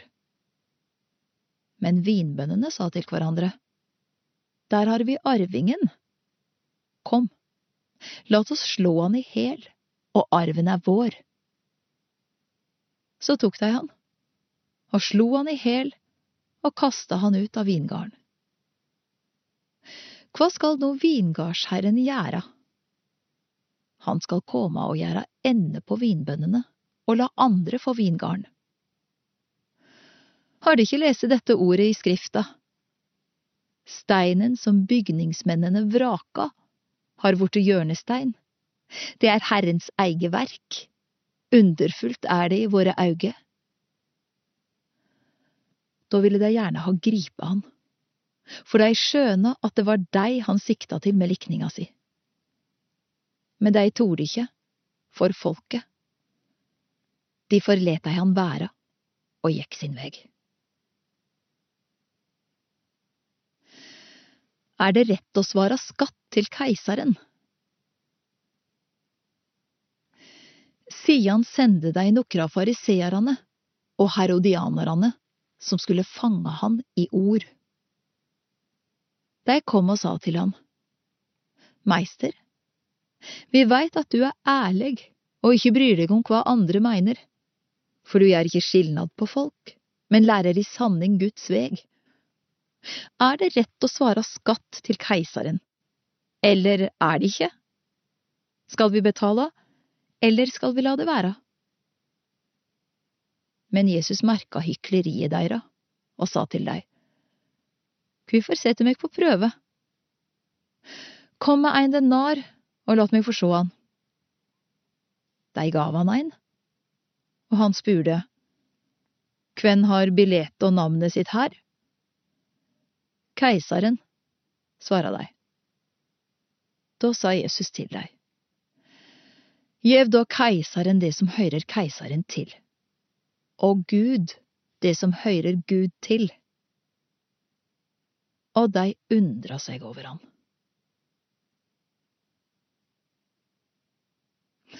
Oppståa fra de døde. Så kom det nokre sadukearar til han, de som sier at de døde ikke skal stå opp. Og de la fram for han dette spørsmålet. Meister, Moses har gjeve oss dette påbudet. Om ein mann har ein bror som dør og etterlet seg kone, men ikke born, skal han gifte seg med enkja og holde oppe etta til bror sin. Nå var det sju brødre. Den første tok seg ei kone, men døyde uten å etterlate seg born. Så gifte den andre seg med henne. Han òg døyde barnløs, og på samme måten gikk det med den tredje. Ingen av de sju etterlot seg barn. Sist av de alle døde kvinna. Men i oppståa, den dagen de står opp att, kven av de skal da ha henne til kone? Alle sju har da vært gifte med henne? Jesus sa til deg. det er på ville Vegard. Og er ikke det fordi de verken kjenner Skriftene eller Guds makt? For når de døde står opp, gifter de seg ikke og blir ikke bortgifte, nei, de er som englene i himmelen.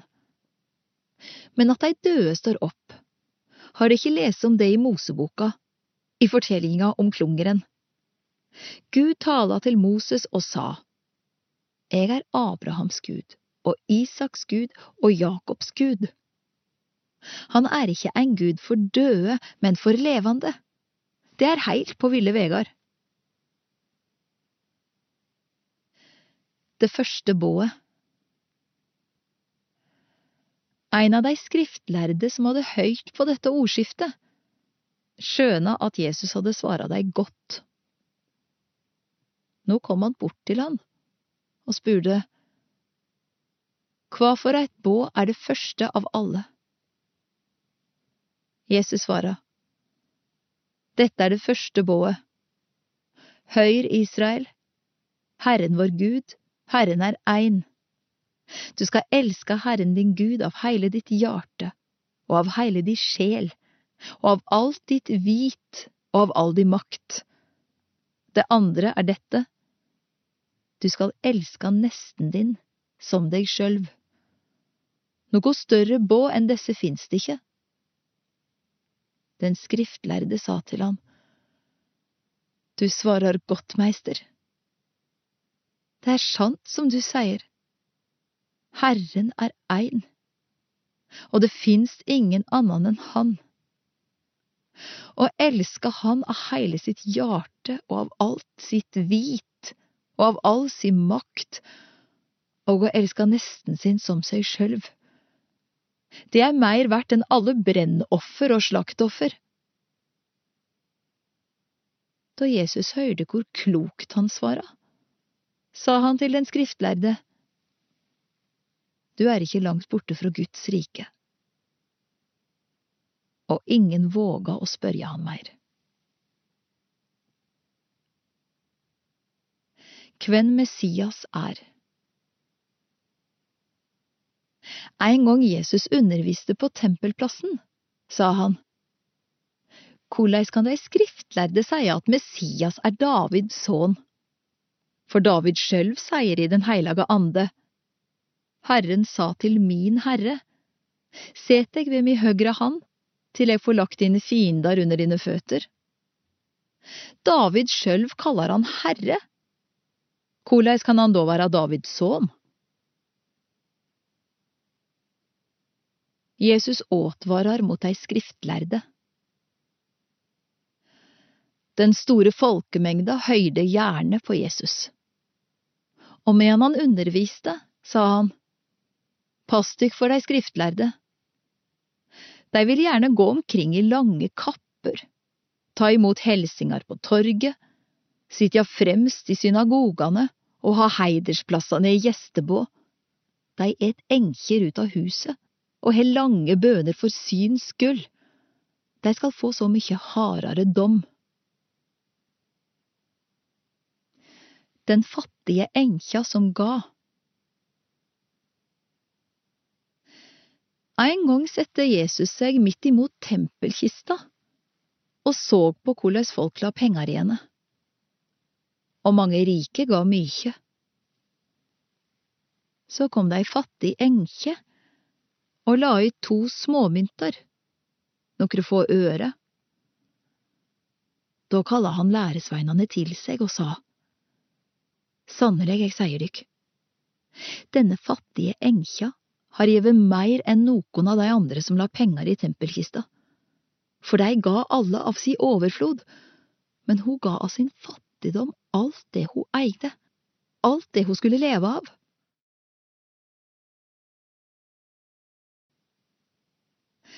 Kapittel 13 Jesus taler om tidene som skal komme. Kapittel 13 Tempelet skal øydeleggjast. Da Jesus var på veg ut fra tempelet, sa en av læresveinene til han, Sjå, meister, for nokre steinar og byggverk. Han svara, Ja, ser du disse veldige bygningane? Her skal ikkje ligge att stein på stein. Alt skal rivast ned. Trengselstida tek til.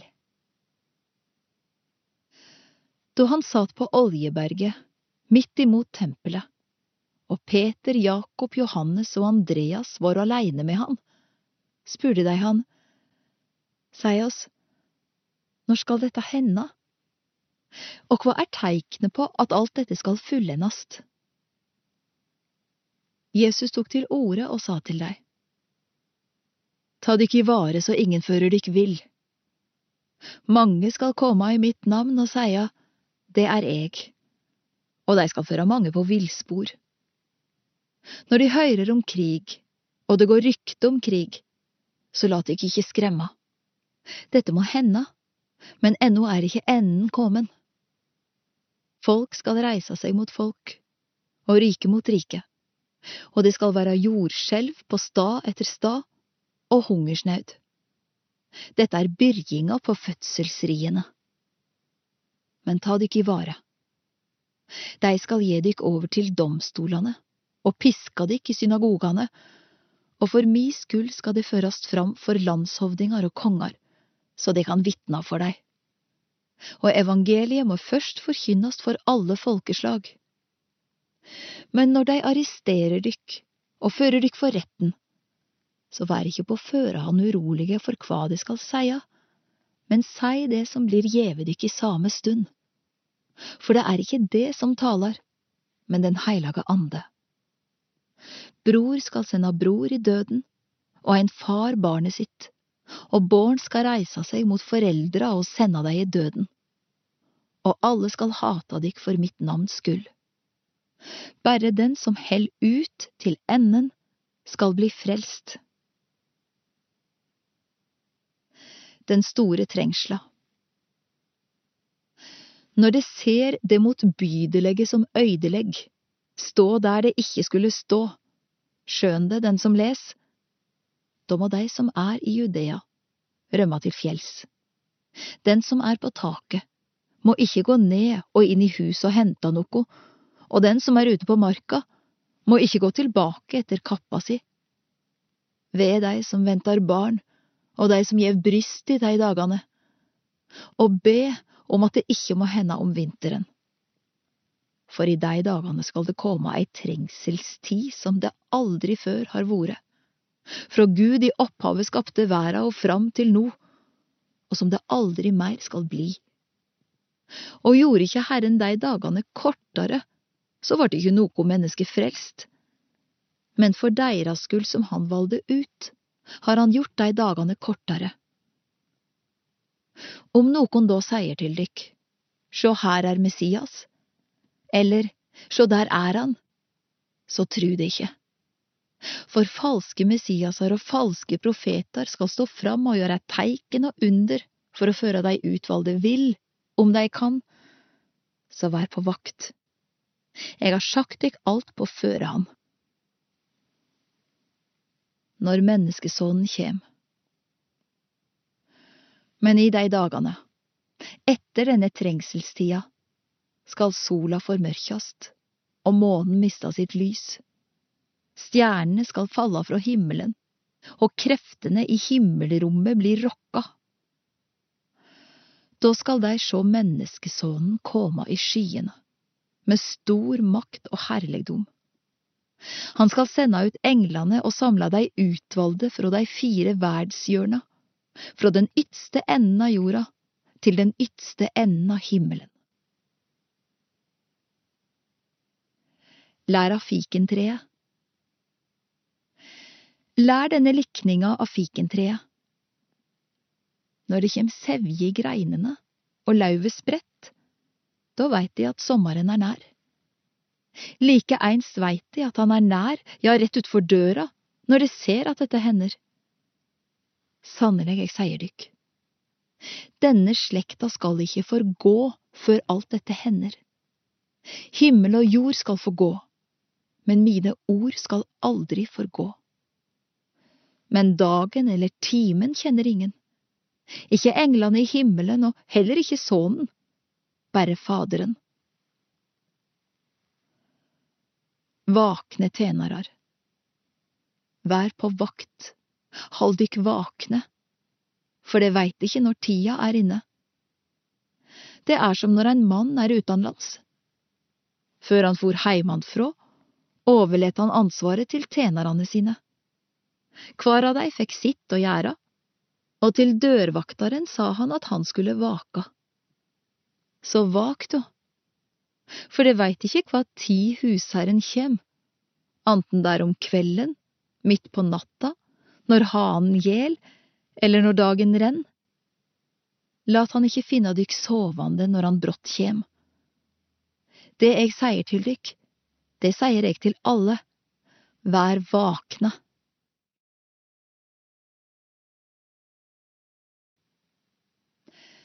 Kapittel 14 Jesu liding og død. Kapittel 14 til 15 Samansverging mot Jesus. Nå var det bare to dager att til påske og høgtida med usyra brød. Overprestene og de skriftlærde prøvde å finne ut hvordan de kunne gripe Jesus med list og slå han i hæl. Det må ikke gjøres under høgtida, sa de, for da kan det bli uro i folket. Jesus blir salva i Betania. Jesus var nå i Betania, heime hos Simon den spedalske. Medan dei lå til bords, kom det inn ei kvinne med ei alabastkrukke full av ekte og svært dyr nardussalve. Hun braut krukka og helte salven ut over hovudet hans. Nokre som var der, vart arge og sa til hverandre, Hva skal ei slik sløsing med salve tjene til? Salven kunne vært selv for mer enn 300 denarer, og pengene jevne til dei fattige. Og de tala strengt til henne. Men Jesus sa, Lat henne være, hvorfor plager det henne? Hun har gjort ei god gjerning mot meg. Dei fattige har det alltid hos dykk, og de kan det gjøre vel imot når de vil, men meg har de ikke alltid. Hun gjorde det hun kunne. Hun har på førehånd salva kroppen min til gravferda. Sannelig, jeg sier dykk, overalt i verda der evangeliet blir forkynt, skal det hun gjorde, bli fortalt til minne om henne. Judas byr seg til å svike Jesus. Judas Iskariot, en av de tolv, gikk til overprestene og bød seg til å gi Jesus over til dei. Da de høyrde det, vart de glade og lova å gi han penger. Og siden leita han etter eit lagleg høve til å svike Jesus. Det siste måltidet Den første dagen i høgtida med usyra brød, den dagen de slakta påskelammet, sa læresveinene til Jesus. Hvor vil du vi skal gå og stelle i stand så du kan holde påskemåltid? Da sendte han to av læresveinene sine i veg og sa til dei, Gå inn i byen. Der kjem ein mann som bærer ei krukke med vatn til å møte dykk. Han skal det følge, og der han går inn, skal de seia til han som eig huset. Meisteren spør, Hvor er rommet der jeg kan holde påskemåltid med læresveinene mine? Da viser han dykk et stort rom ovenpå, gjort i stand med teppe og puter. Der skal det stelle til for oss. Så gikk læresveinene av stad. De kom inn i byen og fant det slik som han hadde sagt. Og de gjorde i stand påskemåltidet. Da det vart kveld, kom Jesus med dei tolv. Medan dei var til bords og åt, sa han, Sannelig, jeg sier dykk, ein av dykk kjem til å svike meg, ein som et i lag med meg. Da vart dei sorgfulle. Og den ene etter den andre spurte han, Det er vel ikke eg? Han svara, Det er ein av dei tolv, ein som dyppar i fatet sammen med meg. For menneskesonen går bort, slik det står skrive om han, men ved det mennesket som svik menneskesonen. Det hadde blitt bedre for det mennesket om det aldri var født.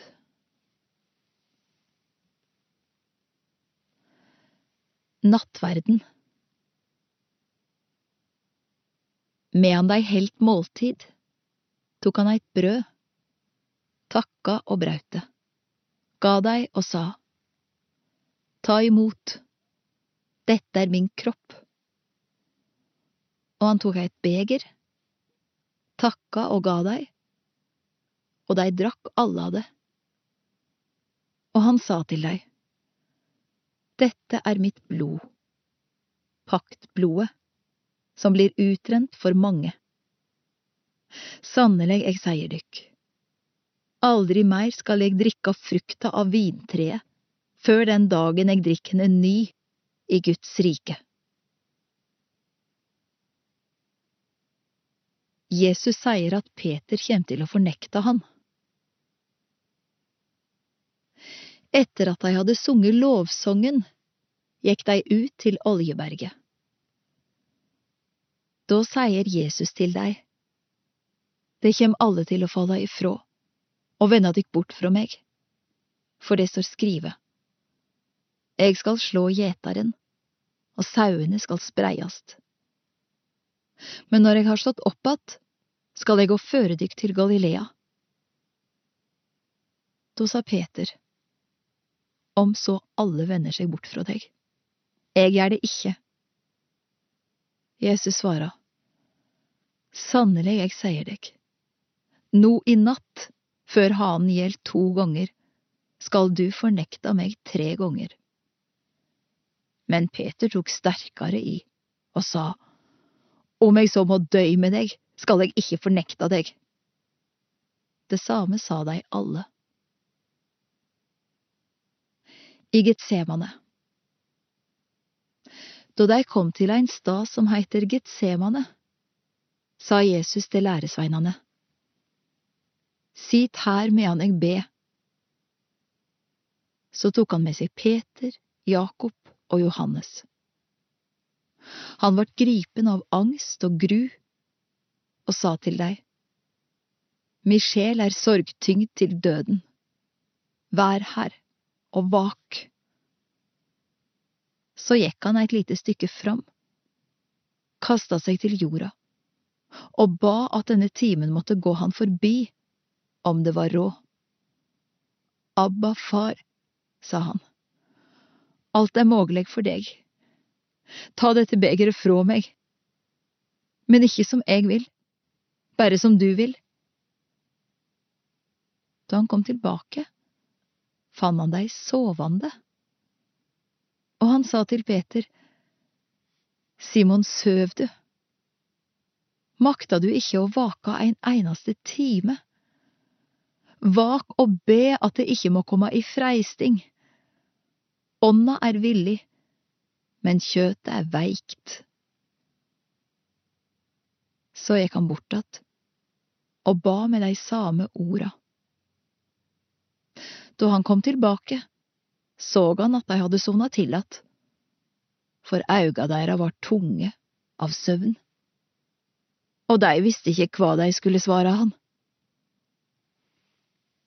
Tredje gangen kom han til dei og sa, Søv det framleis og kviler.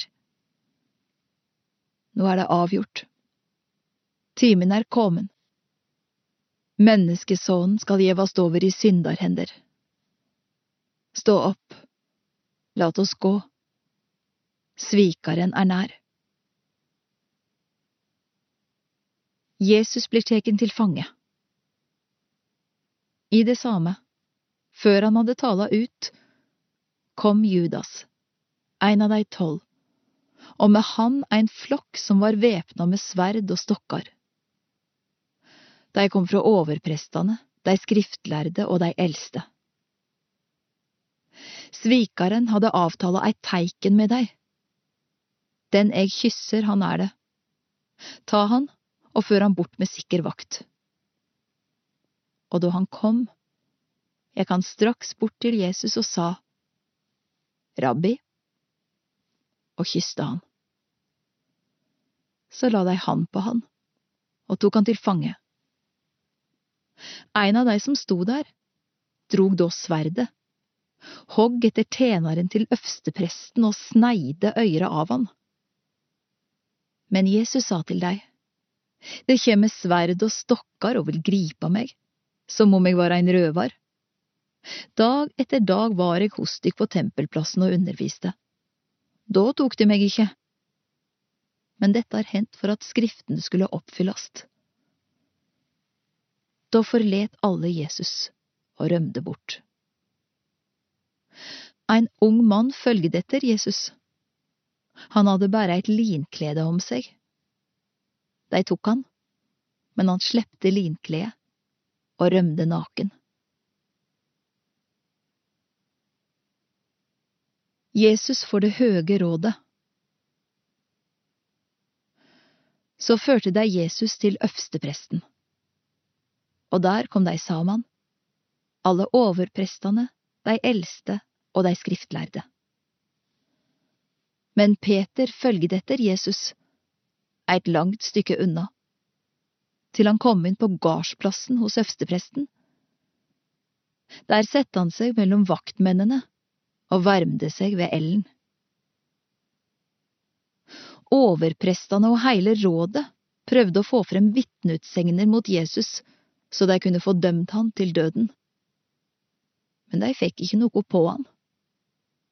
Det var mange som vitna falskt mot han, men vitneutsegnene samsvara ikke. Da sto det fram nokre som vitna falskt mot han og sa, Vi har høyrt han seia, Eg skal rive ned dette tempelet som er gjort med hender, og på tre dager skal eg bygge opp eit anna som ikke er gjort med hender. Men heller ikke nå var det samsvar mellom vitneforklaringene. Da reiste øverstepresten seg, steig fram og spurte Jesus. Har du ikke noe svar på skuldingene mot deg? Men Jesus tagde og svara ikke eit ord. Atter spurte øverstepresten. Er du Messias, sønn til den velsigna? Jesus svara. Det er eg. Og det skal få så menneskesonen sitje ved høgre handa til den mektige og koma med himmelskyene. Da reiv øvstepresten sund kappa si og sa, Hva skal vi med flere vitne? De har høyrt korleis han spottar Gud. Hva mener det?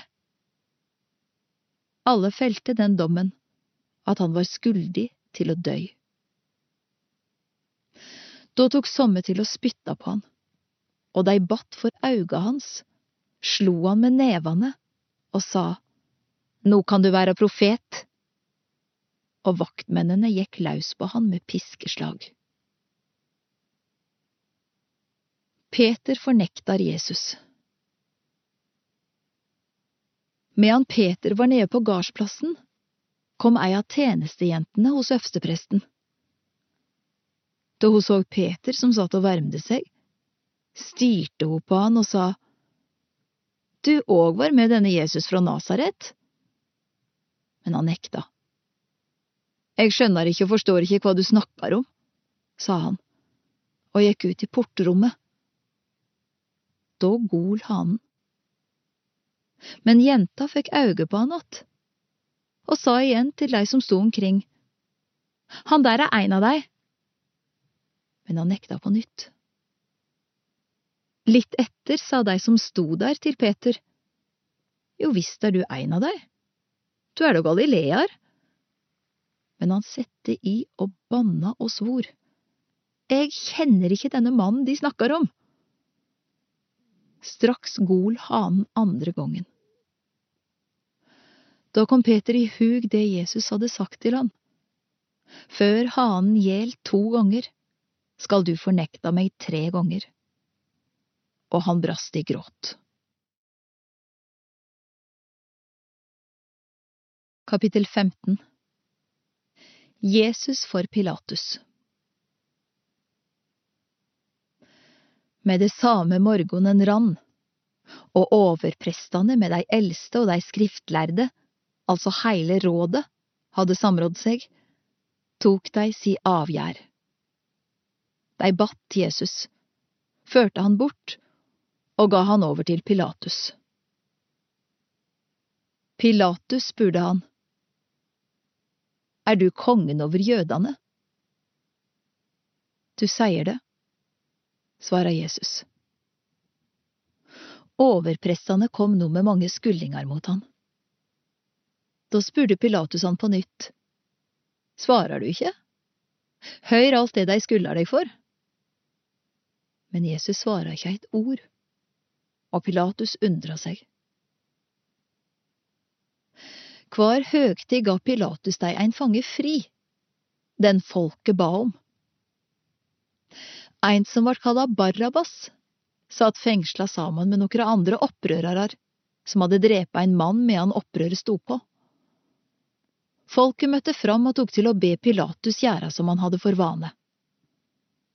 Han svara, Vil De at Jeg skal gi dykk jødekongen fri? For han skjøna at det var av misunning overprestane hadde gjeve Jesus over til han. Men overprestane egga opp folket til å be om at han heller skulle gi dei Barrabas fri. Da tok Pilatus til orde att og sa, Hva vil det da at jeg skal gjøre med han som de kaller kongen over jødene? Krossfest han, skreik de tilbake. Hva vondt har han så gjort? spurte Pilatus. Men de skreik bare enda høgere. Krossfest han! Pilatus ville gjerne gjøre folkemengda til laks.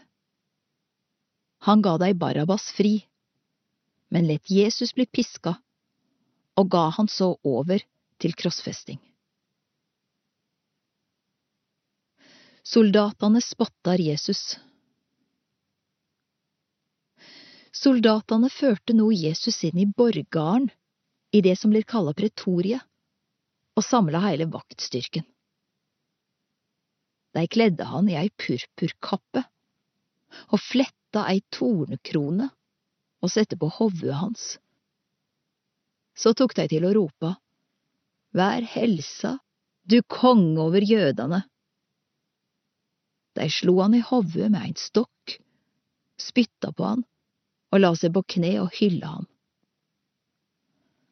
Da de hadde hånt han, tok de av han purpurkappa og let han få att sine egne klede. Jesus blir krossfest. Så førte de Jesus ut for å krossfeste han. Og de tvinga en mann som gikk forbi, til å bære krossen hans. Det var Simon fra Kyrene, far til Alexander og Rufus. Han var på vei inn fra markene. De førte Jesus til den staden som heter Golgata. Det tyder hovedskallestaden. Der baude de han vin med myrra i, men han ville ikke ha det. Så krossfeste de han. Kleda hans delte de mellom seg, ved å koste lodd om hva plagg hver av de skulle ha. Det var omkring den tredje timen de krossfesta han. Og innskrifta med skullinga mot han lydde Kongen over jødene. Saman med Jesus krossfeste deg to røvarar, ein på høgre og ein på venstre sida hans. Såleis vart det oppfylt, det skriftordet som sier, og han vart rekna blant lovbrytarar. De som gikk forbi, spotta han, riste på hovudet og sa, Sjå nå, du som riv ned tempelet og bygger det opp att på tre dager. Frels deg sjølv og stig ned for krossen. Likeeins hånte overprestene og de skriftlærde han, og sa seg imellom, andre har han frelst, men seg sjølv kan han ikke frelsa. Lat nå Messias, Israels konge, stiga ned fra krossen, så vi kan sjå og tru. de som var krossfeste sammen med Jesus, spotta han dei òg. Jesus dør. Da den sjette timen kom, vart det mørkt i heile landet. Og mørket varte til den niende timen. Ved den niende timen ropa Jesus med høg røyst. Eloi, Eloi, lema sabachthani. Det tyder, Min Gud, min Gud, kvifor har du forlate meg? Nokre av dei som sto der, høyrde det og sa, Høyr, han ropar på Elia. Da sprang det ein fram og fylte ein svamp med vineddik, sette han på ei stong og ville la Jesus få drikka. Vent, sa han, lat oss sjå om Elia kjem og tek han ned. Men Jesus ropa høgt og anda ut. Da rivna forhenget i tempelet i to, ovenfra og heilt ned. Og da offiseren som sto midt framfor Jesus, så korleis han anda ut, sa han, denne mannen var virkelig Guds sønn. Det var òg nokre kvinner der som sto langt unna og så på. Mellom deg var Maria Magdalena, Salome og Maria, mor til Jakob den yngre, og Joses. De hadde fulgt Jesus og tjent han da han var i Galilea. Det sto òg mange andre kvinner der, som hadde vært med han opp til Jerusalem.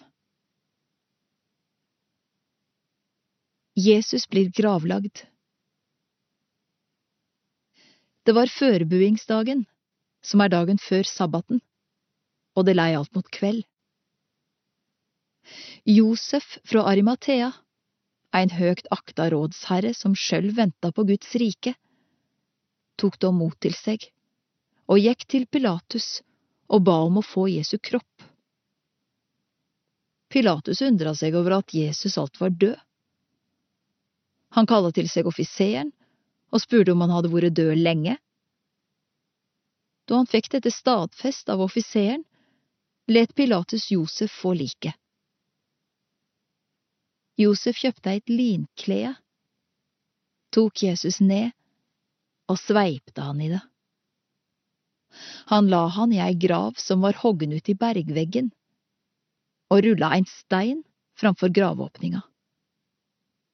Maria Magdalena og Maria, mor til Joses, såg hvor han vart lagd.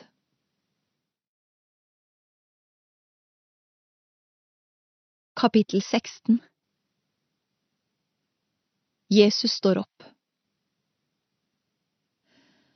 Da sabbaten var til ende, kjøpte Maria Magdalena og Maria, mor til Jakob, og Salome angande olje, for de ville gå og salve han.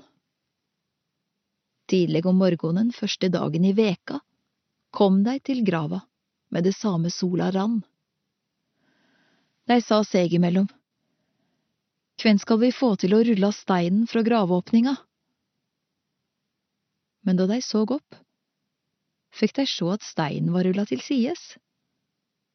Han var svært stor. Da de kom inn i grava, så de en ung mann som satt på høyre sida, kledd i en lang, hvit kjortel. De vart gripne av otte og undring, men han sa til dei, Vær ikke redde. De leitar etter Jesus fra Nasaret, den krossfeste. Han er stått opp. Han er ikke her. Sjå her er staden der de la han. Men gå av stad og si til læresveinene hans og til Peter, han går føredykk til Galilea.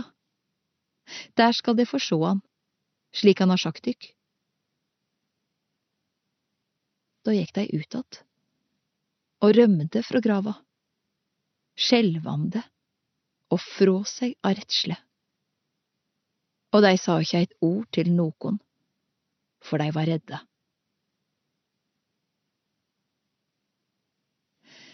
Jesus syner seg for læresveinene. Da Jesus hadde stått opp att, tidlig den første dagen i veka, synte han seg først for Maria Magdalena, som han hadde drivet sju vonde ånder ut av. Hun gikk av stad og fortalte det til de som hadde vært med han, og som nå sørgde og gret. Men da de fikk høre at han levde, og at hun hadde sett han, trodde de det ikke. Siden synte han seg i en annen skapnad for to av dei, medan de var på vei ut på landet. De òg kom og sa det til de andre, men de vart heller ikke trudde. Til sist synte han seg for de elleve, medan de var til bords. Han refsa dei fordi de var så vantru og hardhjarta, og fordi de ikke trudde på dei som hadde sett at han var stått opp. Oppgåva til læresveinane Han sa til dei, Gå ut i all verda og forkynn evangeliet for alt som Gud har skapt. Den som trur og blir døypt, skal bli frelst. Men den som ikke trur, skal bli fordømd. Og disse teikna skal følge av dei som trur. I mitt navn skal dei drive ut vonde ånder. De skal tale nye tungemål. De skal ta ormar i hendene, og om de drikker dødeleg gift, skal det ikke skade dei. De skal legge hendene på sjuke, så de blir friske. Jesus blir teken opp til himmelen. Etter at Herren Jesus hadde sagt dette til deg, vart han teken opp til himmelen og sette seg ved Guds høgre hand. Men de gikk ut og forkynte alle stader. Herren sjøl var hos deg, og stadfeste ordet med de teikna som følgde med. Ønsker du å kjøpe og eie hele lydbibelen på nynorsk eller på bokmål, så kan du besøke lydbokbutikken til KAB. Du finner den ved å søke Lydbokbutikken, eller å gå inn på KAB sine nettsider kabb.no. Du kan også ringe 69 81 69 81 dersom du har spørsmål.